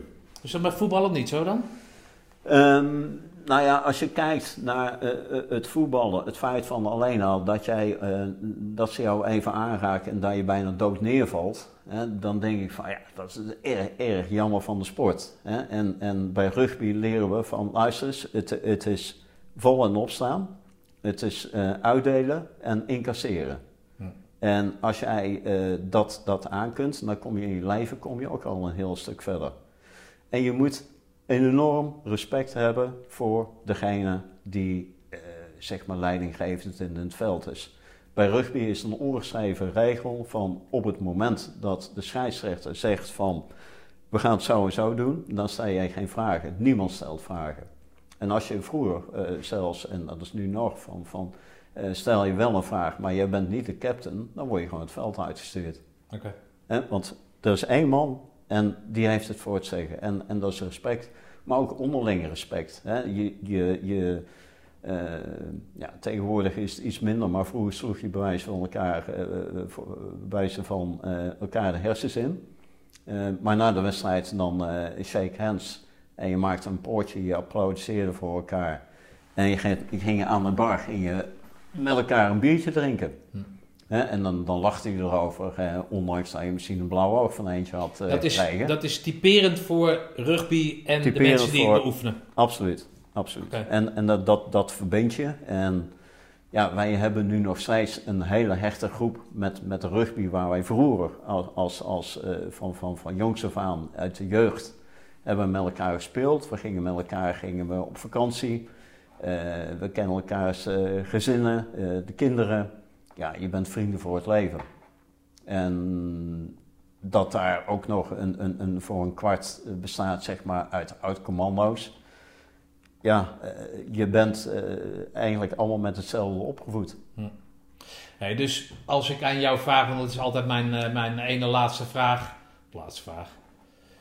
Ehm, wat je aan die groene bret hebt gehad, dan, dan is die groene bret is, is de bezegeling van... hé hey jongens, ik hoor er echt bij. Hè? Naar die andere KST's die in dat rugby zaten opgesloten. Ja. Maar daarnaast heb jij je normen en waarden dus uit dat rugby gehaald. En dat was alvorens je de ECO eh, begon. Ja, maar je moet niet vergeten dat wij de normen en waarden van het rugby werd geleerd door de jongens die al voor het KCT al aan het rugbyen waren.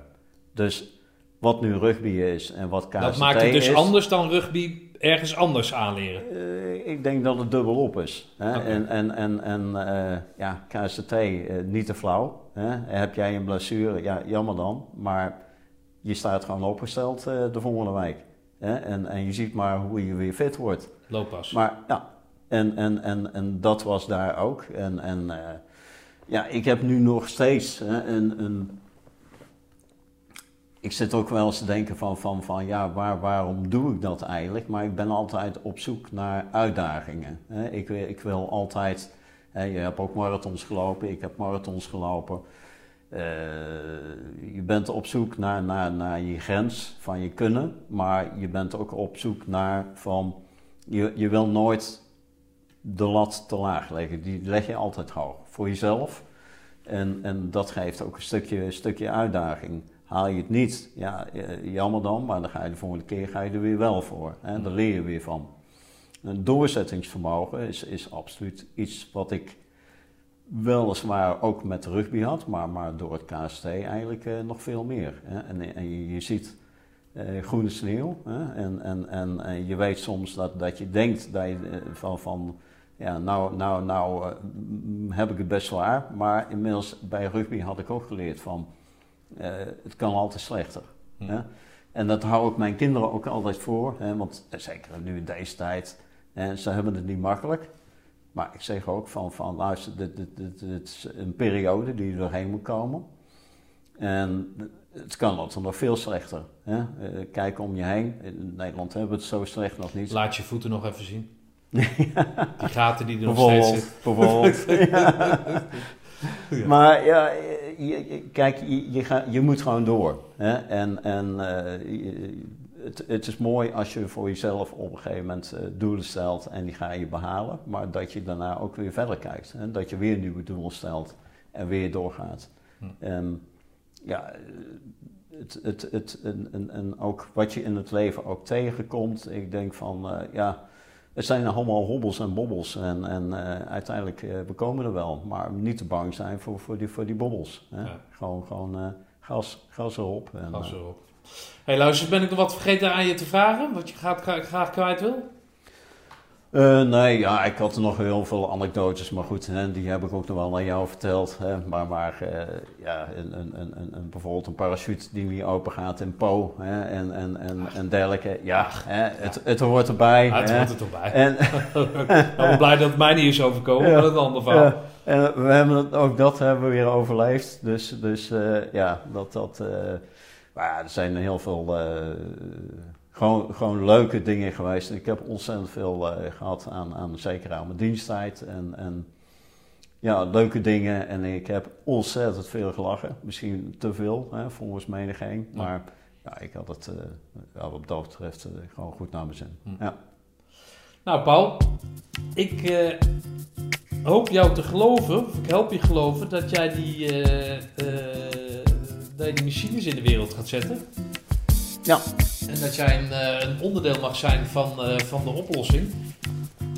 Want dat is me nu wel een, eh, een stukje duidelijk geworden. Nou, ik denk dat volgend jaar eh zul je wel het een en ander zien. Absoluut. Nou, ik wil je danken voor de gastvrijheid. Graag Ik gedaan. het jammer dat ik je vrouw en kinderen niet gezien heb, maar goed. Die, Nee, nee, nee. Dat is, dat is inderdaad jammer. Maar ja, goed, iemand moet geld verdienen. hè. Ja, precies. Nou, en dat heb je helemaal goed gedaan. Dankjewel. Jij bedankt. Oké, hey Stefan. Nou, dat was hem dan weer. Paul, dank voor je boeiende verhaal. En zet alsjeblieft je beste beentje voor om ons te voorzien van de juiste middelen om weer een normaal leven te kunnen gaan leiden. Oh ja, ik wil nog even aan Pauls vrouw Karen kwijt dat hij buiten de opname nog wel verklaarde dat hij het zonder jou nooit gered had. Waarvan acte.